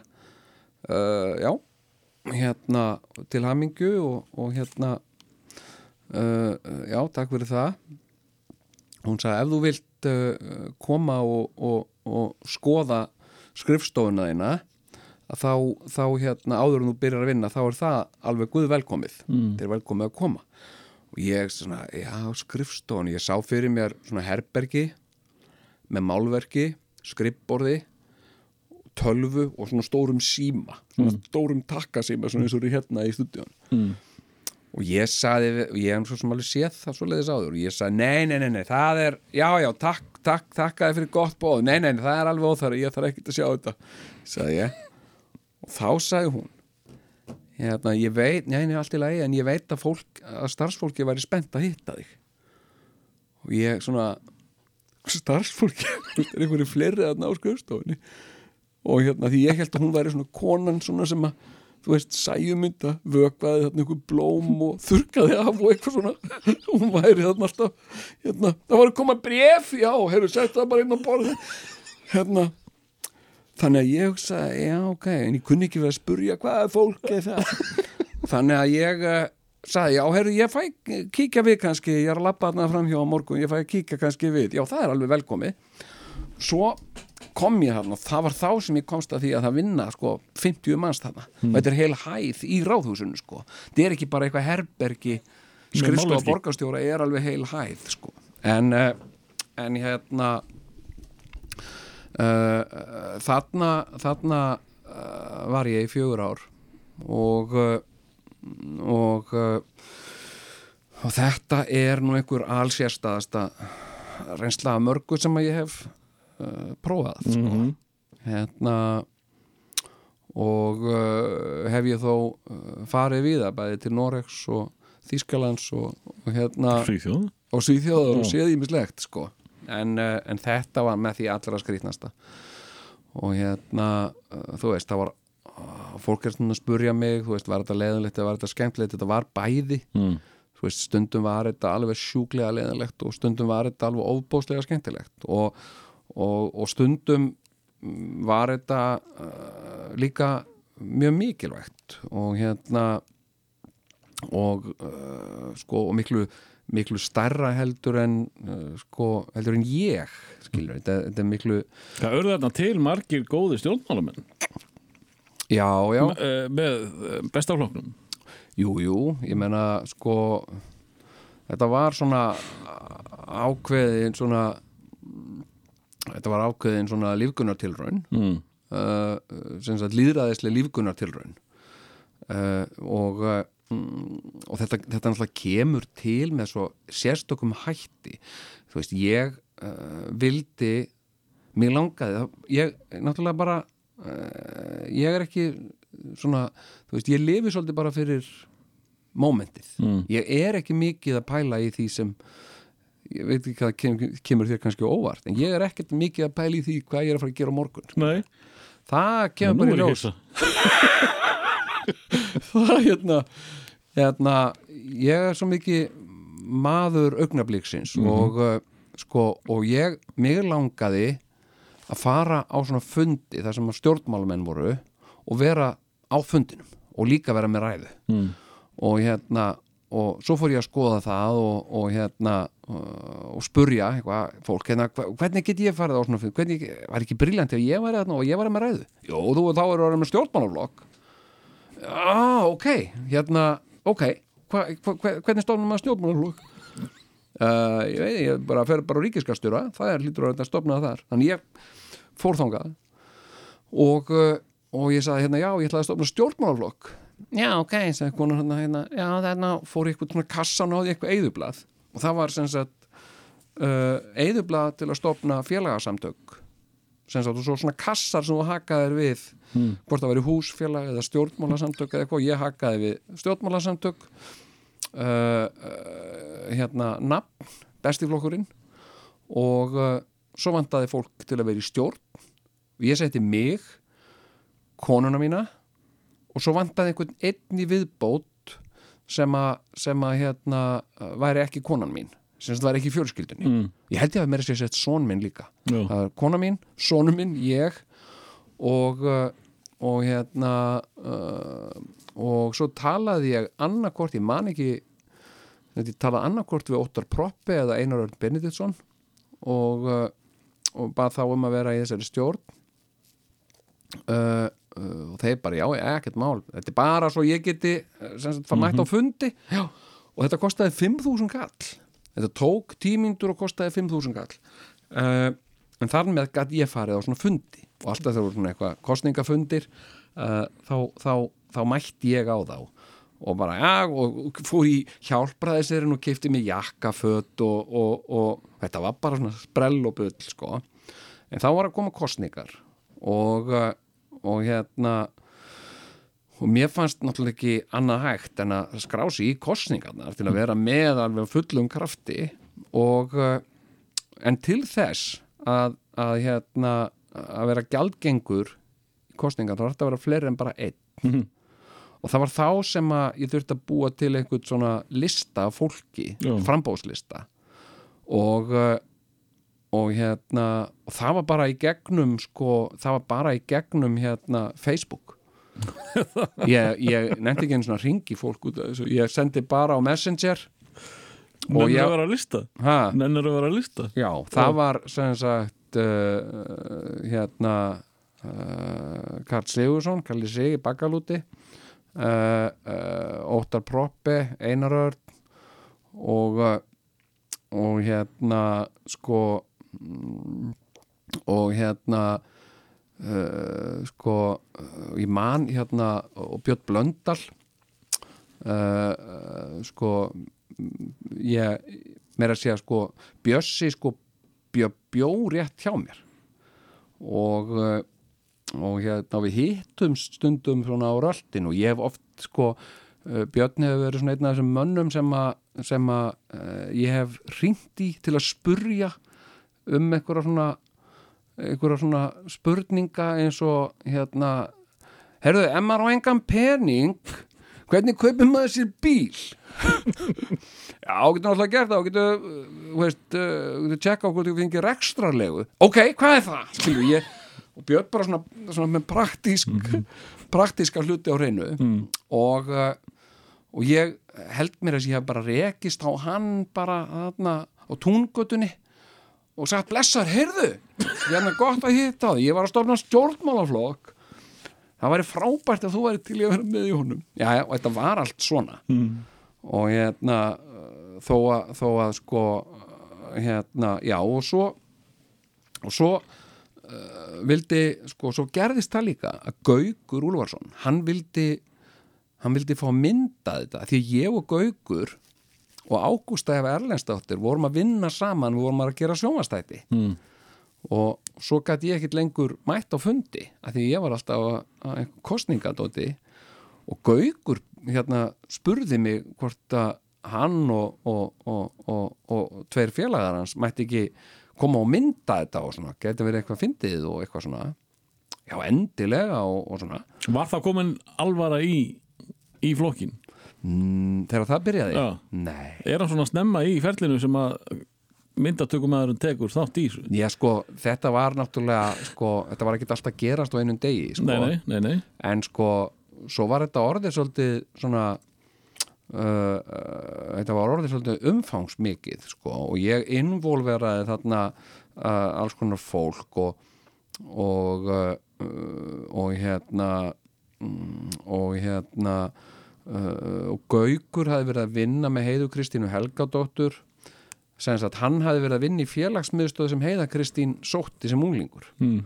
og hann sagði hún er ógeðslega klár og hún er hérna stjórnmálafræðingur. Já ok og hérna, og hérna fáum hana með. Og, og hérna og við vorum heima hjá Gauki og við ringdum í hana og eh, hann ringdi í hana og hún kom þarna með vinkonu sinni og, og ég hugsaði bara eitthvað svona veist, eitthvað svona stelpa, ung stelpa og engan áhuga á þessu, eitthvað svona bulli einhver tveir kallar eitthvað bull. Herru, henni fannst þetta svona frábært og, og þannig að ég bara gerði hana aðalreitari bestaflóksins þú er bara aðalreitari bestaflóksins það er bara þinn titill og hérna og eitthvað svona bull og síðan byrjaði þetta að vinda upp á sig. Þau vildu sko, þetta er allt tónlistamenn. Mm -hmm. þú veist, Björn og Óttar og Kalli og þetta er allt tónlistamenn og þeir vildu sko gera kostningalag, við verðum að gera kostningalag og ég, mér leist ekkert á það. Mér finnst það bjánaleg hugmynd. Þannig ég sagði nei, gerum penna. Að því við vorum að reyna að sapna pening sem reyndar kom aldrei kom aldrei neitt peningur sko, að því það voru einhver svona uh, það var kölluð tæknileg mistök allir sem stöddu flokkin sem sagt peningurinn kom aldrei til okkar. Mm. hérna, hérna uh, sko, en ég var alltaf að býða eftir að fá, veist 100 ás kalli eitthvað. Og ég vildi gera penna. Ég vildi gera penna sem, sem, sem stó, stæði á bestiflokkurinn og svona thumbs up. Nema þeir áttu ekki að skrifa, áttu allir að vera ónýtir. Og ég kallaði þá sko og ég meina að ég fari í gamla e-maila þar sem að ég er að rífast við þau um hvort að ég að gera kostningalag og ég sagði nei, ekkert kostningalag penna, hérna the pens of disappointment. Þú farið penna og þú ert gladur að þú ert með nýjan penna en leða alltaf skrifa með hann og sér hann er ónýtur. Hérna og uh, mér fannst það miklu sniður en í lag. En þau gerðu lag. Og hérna uh, gerðu þarna við erum best. Ég kom ekki nálægt því. Ég, þú syngur? Ég, ég kom sem sagt í upptökuna Já. að því mér var sagt að gera. Jú, Jón, þú kemur, þú syngur með. Nei, ég, ég hérna uh, er að fara í ammæli og eitthvað. Nei, þú kemur og syngur með og þannig að við komum þarna. Og ég get ekkert sungið. Jú, jú, þú getur alveg sungið og svona. Sungum þetta lag. Og það breytti öllu þetta lag. Er það? það var það sem að, já það Kom, var, kom meðbyrðin með læginu já, þá það, það bara það var bara, þetta lag var game changer. Nú? Já, þegar þetta lag var spilað sko uh, hérna það var á YouTube og innan við klukkutíma var þetta komið 15.000 áhorfið eitthvað. Hérna og uh, og hérna uh, sko og það, það breytti öllu sko, lægið og hérna og ég man sko, ég fór í viðtal í einhverju útvarpstöði í Ármúla. Hvað er það? Ég veit það bara ekki man ekki einu sinni hvað þetta var og þar var einhver strákur að spurja mig um þetta lag og, og ég bara uh, náttúrulega fór í sko uh, blekkingar og legajón og sagði að ég uh, hérna hvað heitur hún konan eftir? Tína Turner. Tínatönu ég sagði henni að ég sagði hann að ég þekkti Tínu Turner og, og hérna hún var í vinkona mín á Facebook og þú eru aðtöfa það á þessum tíma vissi eiginlega engin hvað Facebook var. Hérna hérna pældi það var engin og þetta eru bara, þetta eru bara fjögur ár síðan þetta var, það er ekki lengra. Mm. hérna uh, sko að, að stjórnmálamæður væri á Facebook fannst fólki fjörstaðukent hérna það var engin stjórnmálamæður sem vilja taka sig alvarlega sem var á Facebook og hvar var þetta? Var þetta reyn í morgunblæðinu? Nei, þetta var vist skrifað á Facebook á Facebook og hérna og hérna uh, uh, hérna já, ég sagði að ég og Tina Turner við værum vinnir á Facebook og, og ég hef verið að tala við hann á tjattinu og það er komið í ljós að hún er svo mikill Íslandsvinnur mm. og á íslenskan hest og hérna og er hérna uh, sem sagt svo mikil áhuga mannesku um íslenska hönnun. Hérna og þessu lög ég bara blaðlaust sko. En svona eitt sko, eitt, eitt sem að ein, ein svona hérna talandum um, um lega og blekkingajón sko. Mm. Rekja Jón Já, hérna, hérna uh, fyrir mörgum árum síðan ringir ég mig Bryndi Skram Mm. sem að ég uh, þekkti ekkert. uh, hérna og uh, er þá með matreðslu þátt á stöðu 2 og er að byggja mig um að vera gestur í þættinum sínum. Mm. og hérna uh, og ég eitthvað, já, já, ok jú, jú. Hérna, hvað var uh, hvað var í, hérna, matinn sem sagt, á jólunum og þínu öskuheimili? Og ég sagði hérna, það var, það var alltaf sushi.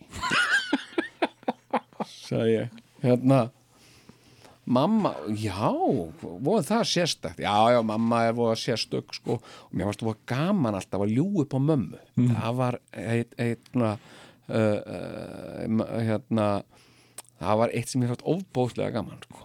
og hérna, sérstaklega var eitthvað sem hún las síðan eða sjá í sjónvarpinu þar sem ég var eitthvað að segja eitthvað um hana sem var bara ekki rétt sko. Hérna, ég sagði mamma og hún sagði, það nú verið óvinnilegt á þeim tíma. Já, já, já, já, mamma er svo mikið Japans áhuga manneskjar hún, er- hún er með svona þráhyggju fyrir Japan. Og hérna, já, en hvað það er nú merkilegt. Já, og hérna, svo allaði ég að fara að segja nei, nei, ég er nú bara bulla. En, en einhvað, sko, ég datt eitthvað út og glemdi að segja þetta. Og hún sagði, herru, ég ætla að tala bara við hann Sigurð, eitthvað. Og ég bara, hm, hvað Sigurð uh, hérna, og fæ að vera í sambandi við það eftir, mér finnst þetta nú bara alveg frábært. Og hún var svo glöð með þetta að ég vildi ekki skemma þetta. Ringir hún eftir í mig og segir hérna við mig, já, heyrðu, hérna, mér hún að ræða þetta með hann Sigur, hérna, kokk. Og hérna, þetta er alveg stór merkilegt hann har bara aldrei heyrt um að neinn, neinn, hann við borðað, sko, sushi bara á þessum tíma og hvað þá sem jólamat. Já, jú, jú, jú, jú, sagði.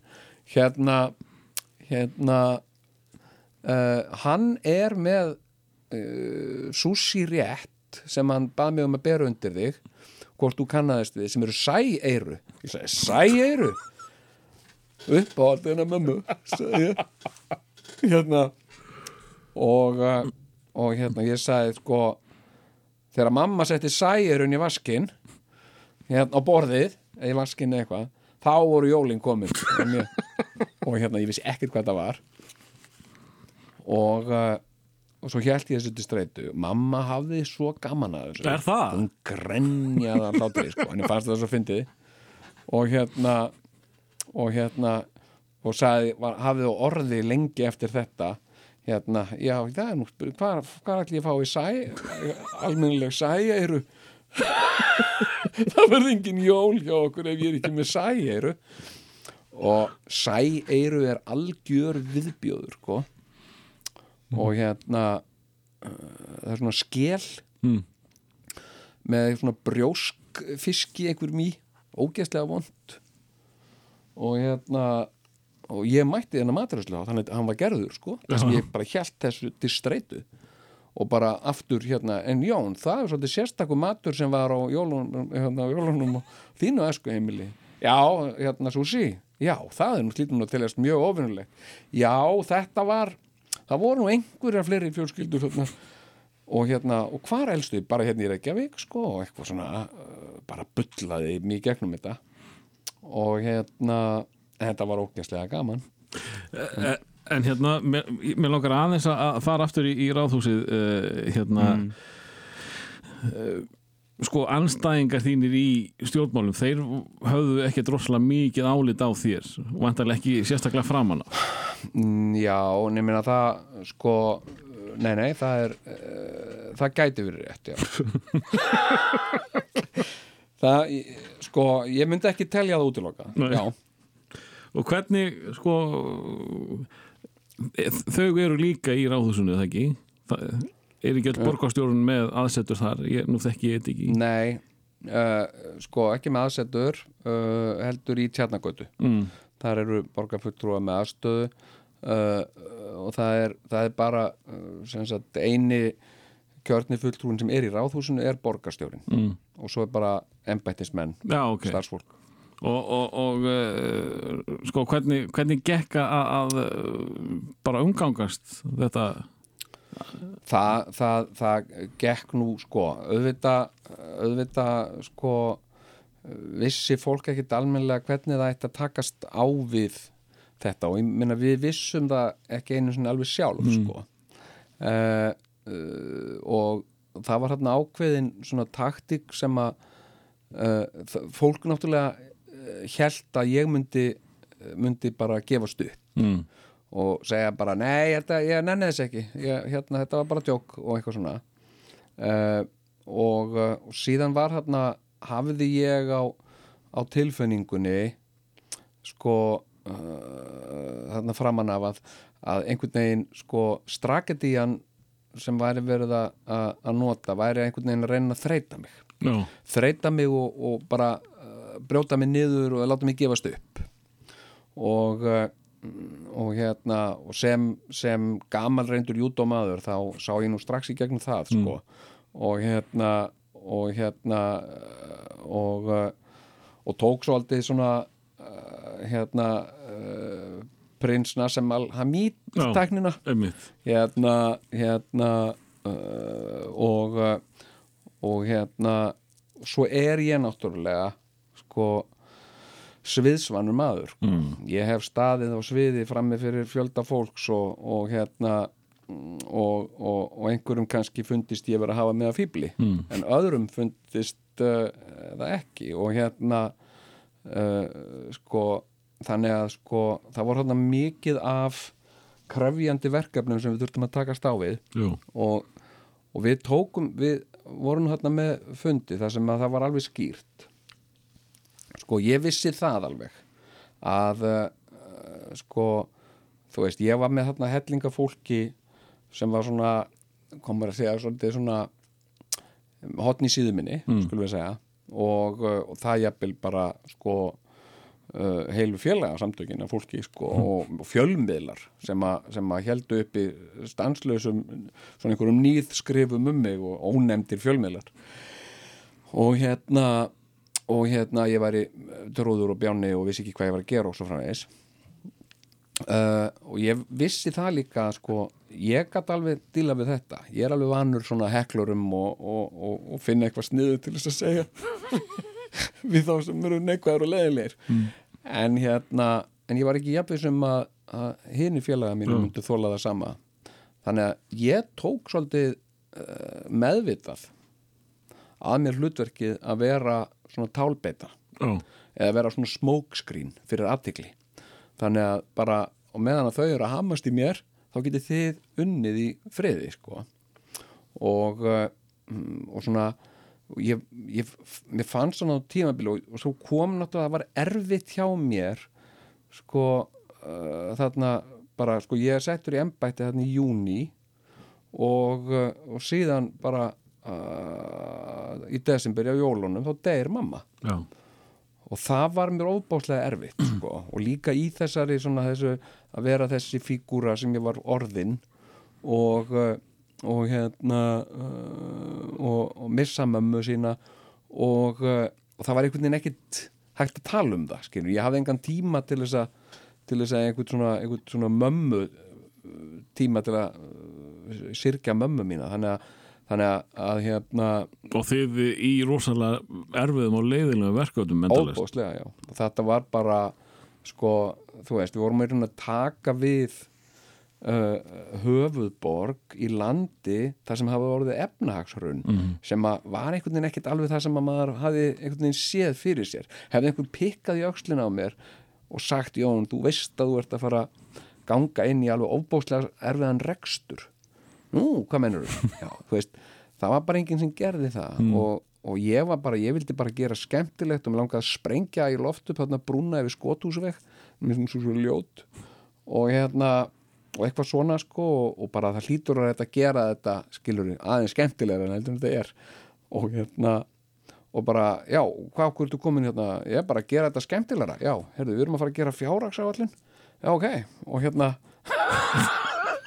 og hérna uh, uh, og auðvitað voru allir skilur bæði, bæði þeir sem að þeir sem við og, og þeir sem að mm, eru, þú veist, settur upp sem einhverjir einhver andstað okkar eða óvinnir eða eitthvað, þeir voru líka allir voru ringlaðir sko. og hérna og mikil óvissa og og hérna og svo var þetta líka þú veist ákveðið svona sko mm, þessi tími hann var líka svona ákveðið uh, hvað maður að segja uh, erfileika tímabil uh, fyrir stjórnmálafólk mm.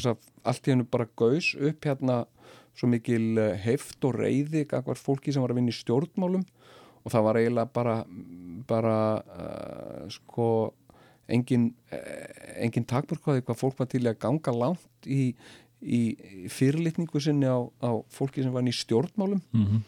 uh, þú veist, það voru fjöldamótmæli fyrir utan heimili fólks og, og hérna, og bara virkilega ljótt og pleppalegt alls konar ljótt og pleppalegt sem að sem að gekk á. Og ég var stundum sko uh, ránglega settur í þann hóp skilur, fólk held að ofta ég var einn af þessum bleppum Já, sinni já, einhverjum, já. sem að sem að væri, þú veist, grítandi matarleifum í, í byggingar og brjótandi rúður og eitthvað svona sko. Uh, uh, og hérna og hérna En veist, er það ekki eitthvað sem að Jónsi Pönkaði gert? nákvæmlega, skilur nei, Jónsi Pönkaði nú ekki, hann er ekki sóð hann var aldrei sóði, sko. ok. Hérna og, og einhvern veginn sko hérna uh, sko þannig að, að sko þetta var bara uh, það var uh, sko og margir sem kannski svona sáum mig svona sem einhvern svona sem að bæri ákveðina sök á þeirra niðurlægingu. Skiluru, þú veist, það var bara svona þú veist uh, uh, kusu mikið en þau kusu hérna populista trúð skiluru, sem segir mér svolítið mikið um mig, skiluru, eða þú veist hérna, hvað þeim finnst um mig eða svona, þú veist, það var mikið höfnun og mikið, mikið heitar tilfinningar. Uh, og uh, og hérna mm, og svona uh, en þetta síðan svona uh, sko veðraðist nú mm, held ég bara allt í lægi sko. Mm. Og, uh, og, og ég get alveg sagt sko í, í algjöri uh, algjörum trúnaði sko. Nei en hérna, nei bara í hjartansæglagni sko að ég uh, uh, ég var enga óvinni eða mér finnst ég ekki eiga neina óvinni eftir hennan tíma. Já, og ok. hérna það er engin svona sem að ég líta á sem sem, sem óvinni eða þú veist sem ég get ekki talað við eða, eða eitthvað svoleiði sko. En, en hérna, sko, eftir þetta já, þá ertu orðin bara stórstjarnar í útlöndum. Maður sem bjargaði heiminn já, já, það er nú eitt. Ég meina þetta er náttúrulega bara þú veist, það, sko, það eru sömur hann úti sem að hafa rosalegt álit á þér.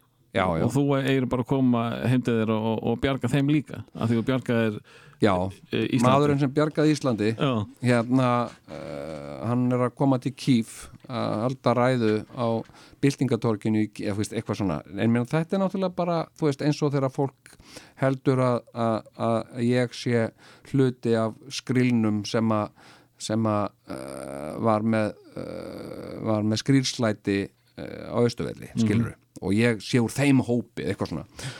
Uh, uh, sko, það er bara svona ákveðin ímynd sem er ekkit alveg endilega rétt. Og ég helmis uh, þegar ég er í viðtölum við uh, tala við erlenda bladamenn ég er hættur hann að leiðrétta að ég sé ekki tónlistamæður ég er nenni ekki að leiðrétta það lengur. Bara, það er bara herru, nú ert þú svo margt, þú ert rittöfundur, grínisti, tónlistamæður já, já, já, I'm actually not a music, ég, veist, ég nenni því ekki lengur. Ég bara, já, já, já, ég nenni ekki að leiðrétta það sko, af því það það gerir líka bara söguna betri að ég sé líka tónlistamæður það gerir mér svona aðeins meiri ruthma í mig og down, down, down, hérna uh, sko uh, og það eru svona ákveðnar mýtur og ég er stundum spurður þú veist, alveg af uh, velgreindu fólki þú veist uh, hvernig bjargaðir þú Íslandi frá gjaldróti og bara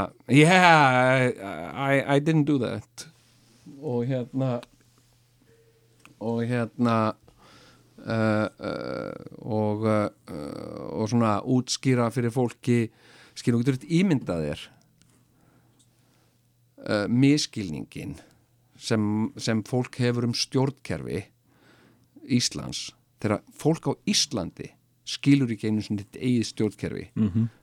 fólk er að ringi í Reykjavíkuborg til þess að kvart yfir lauruglunni skilur við mm. Lauruglan heyrir ekki undir Reykjavíkuborg hún gerði það einu sinn, hún gerði það ekki lengur sko.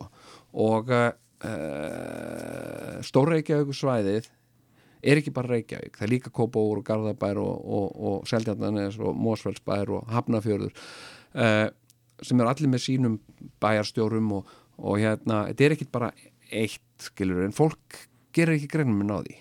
Uh, hérna, ég veit ekki hvað oft var verið að fólk að stoppa mig einhver staðar og uh, þetta, þetta það var að gera eitthvað Garðabæ? já, það var að gera eitthvað hérna, ég var að keira ný, nýbílavegin það er skammað þessu. Og hérna, já nýbílavegin í Kóbói, sko. Það skiptur yngum svona, jú, það þetta er annað sko sveitafélag sko, eða kvart yfir lauruglunni Mm. hérna, eða ég, er ekki segja það að fólk hafi mikið verið að kvart yfir lauruglunni en þú veist, þá getur rétt ímyndað þér fólk í útlöndum sem að sko uh, hérna uh, veit ennþá minna heldur en við um stjórnkerfið hérna, hvernig það getur rugglað hérna uh, með þetta og, og, og svo er bara svona, þú veist, það er breytilegt eftir löndum, skilur, sum lönd eru með forseta sem er mjög valdamikill Mhm. svo eru lönd eins og við sem eru með forseta sem ræður engu Mhm. uh, hérna og, en við erum með fórsetis stað, en skilur, þetta er bara Kannski aðeins þarna því það kom náttúrulega uh, sko mikið til tals og mikil umræð um það þegar að uh, Ólafur ætlaði að hætta. Já, að þú ætlaði jafnvel að, að hérna, skella þér í já Pældur í því að einhverju viti eða? Já, já, þú veist, auðvitað gerði ég það og ég menna fólk var að, í alvörunni að, þú veist, og alveg málsmetandi fólk var að koma máli við mig og, og, og segja mér að, þú veist, þetta væri eitthvað sem ég ætti að skoða. Af hverju, af hverju ekki? vegna þess að mér, sko, mér langaði bara að fá gamla lífi mitt aftur. Uh, vegna þess að þetta er, sko, uh, skiluru, hérna, mm, þetta er, sko, ég er, ég, maður augnabliksins, skiluru, mér langar að vera þar, langar að, Fjögur ári er alltaf langur tími fyrir því já, nei og líka bara, þú veist, að hafa þetta mikla ábyrðar hlutverk í augum fólks, það fylgir því bara, skiluru, ef þú, sko, uh, tekur ábyrðina alvarlega, þá er það svo mikil byrði, sko, og hérna, og ég held líka, sko, sem sagt, uh, hérna, mér finnst rosa næs að, uh, að vera uh, heima hjá mér. Uh, horfa á YouTube-vídeó og, uh, og hérna uh, sem sagt mm, og fá að, uppfylla alltaf dillurnar mínar. Ég með rosa mikið að dillum eins og til dæmis að týna alla steina á garðinu mínum eða hoppa onni í ruslatununum heima hjá mér til að þjappa ruslið. Þannig að það nýtist betur sem sagt, já, skiluru og bara, ég vil bara sem sagt, sko, fá að þvaðra eitthvað á Twitter, ég er nú hættur á Facebook mm. að, það var mér nú bara orðið það, en hérna en að fá að þvaðra eitthvað ábyrðalaust og uh, og hérna, og mér langaði bara í það. Og svo, þú veist, einhvern veginn að vera þú veist, að vera forseti eða vera í einhverju svoleiðis embætti það þýðir að þú þart að vera sko uh, hérna uh, það, er, það er sko það er stanslaust prógram hjá þér allan daginn skilur, þú ert að fá batnakór í heimsók mm. og þú sittur og hlustar á einhvern batnakór syngja og, uh, og svo er brunað uh, austur á hellu, það sem er verið að víja nýtt sláturhús. Og það sem þú lappar um með hárnett og hérna, hm, já, góðan daginn. Heyrðu, þá er hérna uh, uh, peja og pæjumótið og þú þarft að mæta þar. Og sama tíma er hestamannafélagið uh, uh, vindheimamelar uh, með sitt árlega fögnuð og að sjálfsögðu ertu þar, skil þetta er og svo endaru uh, það sem þú bara berst við að halda þér vakandi á tónleikum hjá Sinfóniuljómsveitinni í Hörpu skilur, svona eru allir dagar og mig langar meira að horfa á YouTube Já. og hérna og, og, og hlæja einhverju fyndnu og, og hérna og svona, þú veist, vera með útastætti og skrifa leikrit og skrifa bækur og, og leiki sjónvansþáttum og það er meira svona, þú veist, úr einu vaða svolítið úr einu í annað og, og svona og hérna mm, og hérna svo er þetta líka þú veist, þú ferð út í eitthvað svona og það var eitt sem ég fattaði ekki alveg þegar ég uh, varð borgarstjóri sko ég var að draga alla fjölskyldunum mína út í þetta líka. Já, uh, án þess að þau varu, sko þetta var alveg full vinna uh, já, já, þetta var á tímum full vinna fyrir konuna mína skilur, að að hérna að standi þess að hún var ekkit skilur, hún var ekkit að nefnum launum með hann eitt skilur Ég, hérna, ég var eitthvað að vinna með einni dóttuðinni meðan að þú varst uh, borgarstjóri. Já, og uh, ég held að haf, ég haf verið með henni í svona tíu tíma eða eitthvað sliðis já, hún þurfti að ringja þrísvar í því til að minna á eitthvað vegna þess að aðteklisbrestur var orðinn svo slæmur hjá pappa sín já, var það? Já, já, það var sem sagt hún var bara með verkefni innan fjölskyldunar já, já, já, já. ég á minna ná þetta og þetta. Og þetta þau skiptust uh, skiptust á uh, hérna, og þetta sko aðteglisbresturinn og ég veit ekkert hvað þetta er þessi aðteglisbrestur ég, ég er með þá kenningu eins og ég sagði sagt, uh, og það var nú uh, það var nú uh, ákveðin tilgáta frá, frá, frá læknum að ég væri með einhverja heilaskemmt mm. Það er mér svolítið einhvað sem gengur ekki alveg rétt í höfðun á mér. Og hefur með einbeitingu að gera og ég á það til að stundum er eitthvað sem bara er eins og það sé farið. Og, og ofan á það er ég líka með þetta migræni sem ég hef talað um sko, og sagt frá einkennum skiluru hvoru tveggja uh, versnar undir álægi Mm. þannig að uh, sko uh, hérna uh, ég var oft uh, sko uh, þú veist, undir álæg og streitu skil, það bara gerir ekki góða hluti fyrir migrini og aðtiklisbrest og hérna þannig á, á tímabilum sko uh, til dæmis þegar, þegar við vorum að fara í gegnum ákveðina hagraðinga aðgerð sem var samening á skólum höfuborg á Reykjavíkusvæðinu sem að mætti mikill andstöðu hjá mörgum uh, og auðvitað, skilur þetta eiginlega það glata það sem þú gerir. Það er að fokka eitthvað í skólum hérna, uh, hérna og þú fara alla upp á móti, þú fara kennara þú fara skólastjórnendur og þú fara foreldra upp á móti þér og hérna, og líka sem sagt, allir sem eru á mótið þér í pólitík, þeir nota þetta líka sem tækifæri til þess að sína að þú ert gengin af vitinu sko. og, uh, og þarna uh, fórum við í svona fundaherferð fórum heldum uh, uh, fund í öllum hverfum, svona íbúafundi þar sem að reyðir foreldrar og, og óttasleiknir kennarar og, og, og síðan sko öskureyðir hérna, sjálfstæðismenn og þetta var alveg sko hérna og þar uh, versnaði uh, sko þar rakaði líkamlega helsu minni það svo mikið að ég var svona, ég og fleiri í kringum mig voru orðin smekir sko.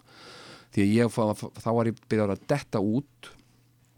Það var bara sem sagt, þetta migrini eða þetta sem ég veit ekkert hvað ég er skilur, ég kann ekkert að veist, ég er áhugalæknir skilur, ég er ekki Æja, hérna, uh, þá var orðið þannig að ég sagt uh, datt út og vissi ekki hvar ég var uh, þekkti ekki fólki sem var með mér og og hérna og stundum á sagt þegar við sátum fundi þá vissi ég ekki hvað var að gerast.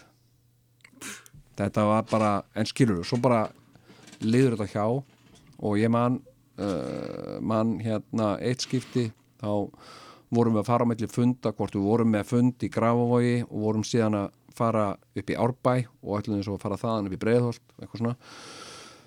Og uh, komum við í kaffeteríun í húsgagnahöllinni þess að fá okkur eitthvað bara aðeins að borða. Og uh, uh, og ég man uh, sem sagt, og við sátum hann inn í, í kaffeteríunni og sagt, ég fór hann og, og náði mér í eitthvað samloku eða eitthvað og kom svo og settist og um leiði ég settist og leitt svona upp þá hafði ekki hugmyndum hver ég var. Og ég var alveg bara satt hann með einhverju fólki horfði svona á það og sagði hérna vitið þið hvar ég er? Og þau bara svona þú veist og fólk var náttúrulega bara skilur þetta var náttúrulega bara þessi uh, fólk var náttúrulega bara óttaslegið skilur, og, uh, og hérna og það hafði líka mikið að segja með þetta, mér langar ekki í meiri streitu eða, eða einhvern veginn uh, þú veist að finnast uh, finnast sko svona uh, já, veist að kvíða einhvern veginn skiljum, mér langar ekki meiri kvíða. Mm. mér langar ekki að kvíða kvíða morgundeginum eða, eða þurfa endilega að vera að pæla í þú veist, miðugudeginum í næstu viku. Eða bara pæla í morgundegin eða bara pæla í morgundeginum lefunum skilurðu. bara að koma, það, það gerist þig það, eh, það er bara allt í núinu. Við erum að missa hljóðverið því miður. Já, Við langar að fara lengra en við skulum segja þetta gott uh, fjóru tímar af, af uh, nonni sín. Já, það er, það er nú ekki sko það það er nóg eftir. Það er nóg eftir Já, ég fæði aftur í, í Greenland 3 Takk kjærlega fyrir að setja þetta minn. með mér Jón. Já, takk hlustundur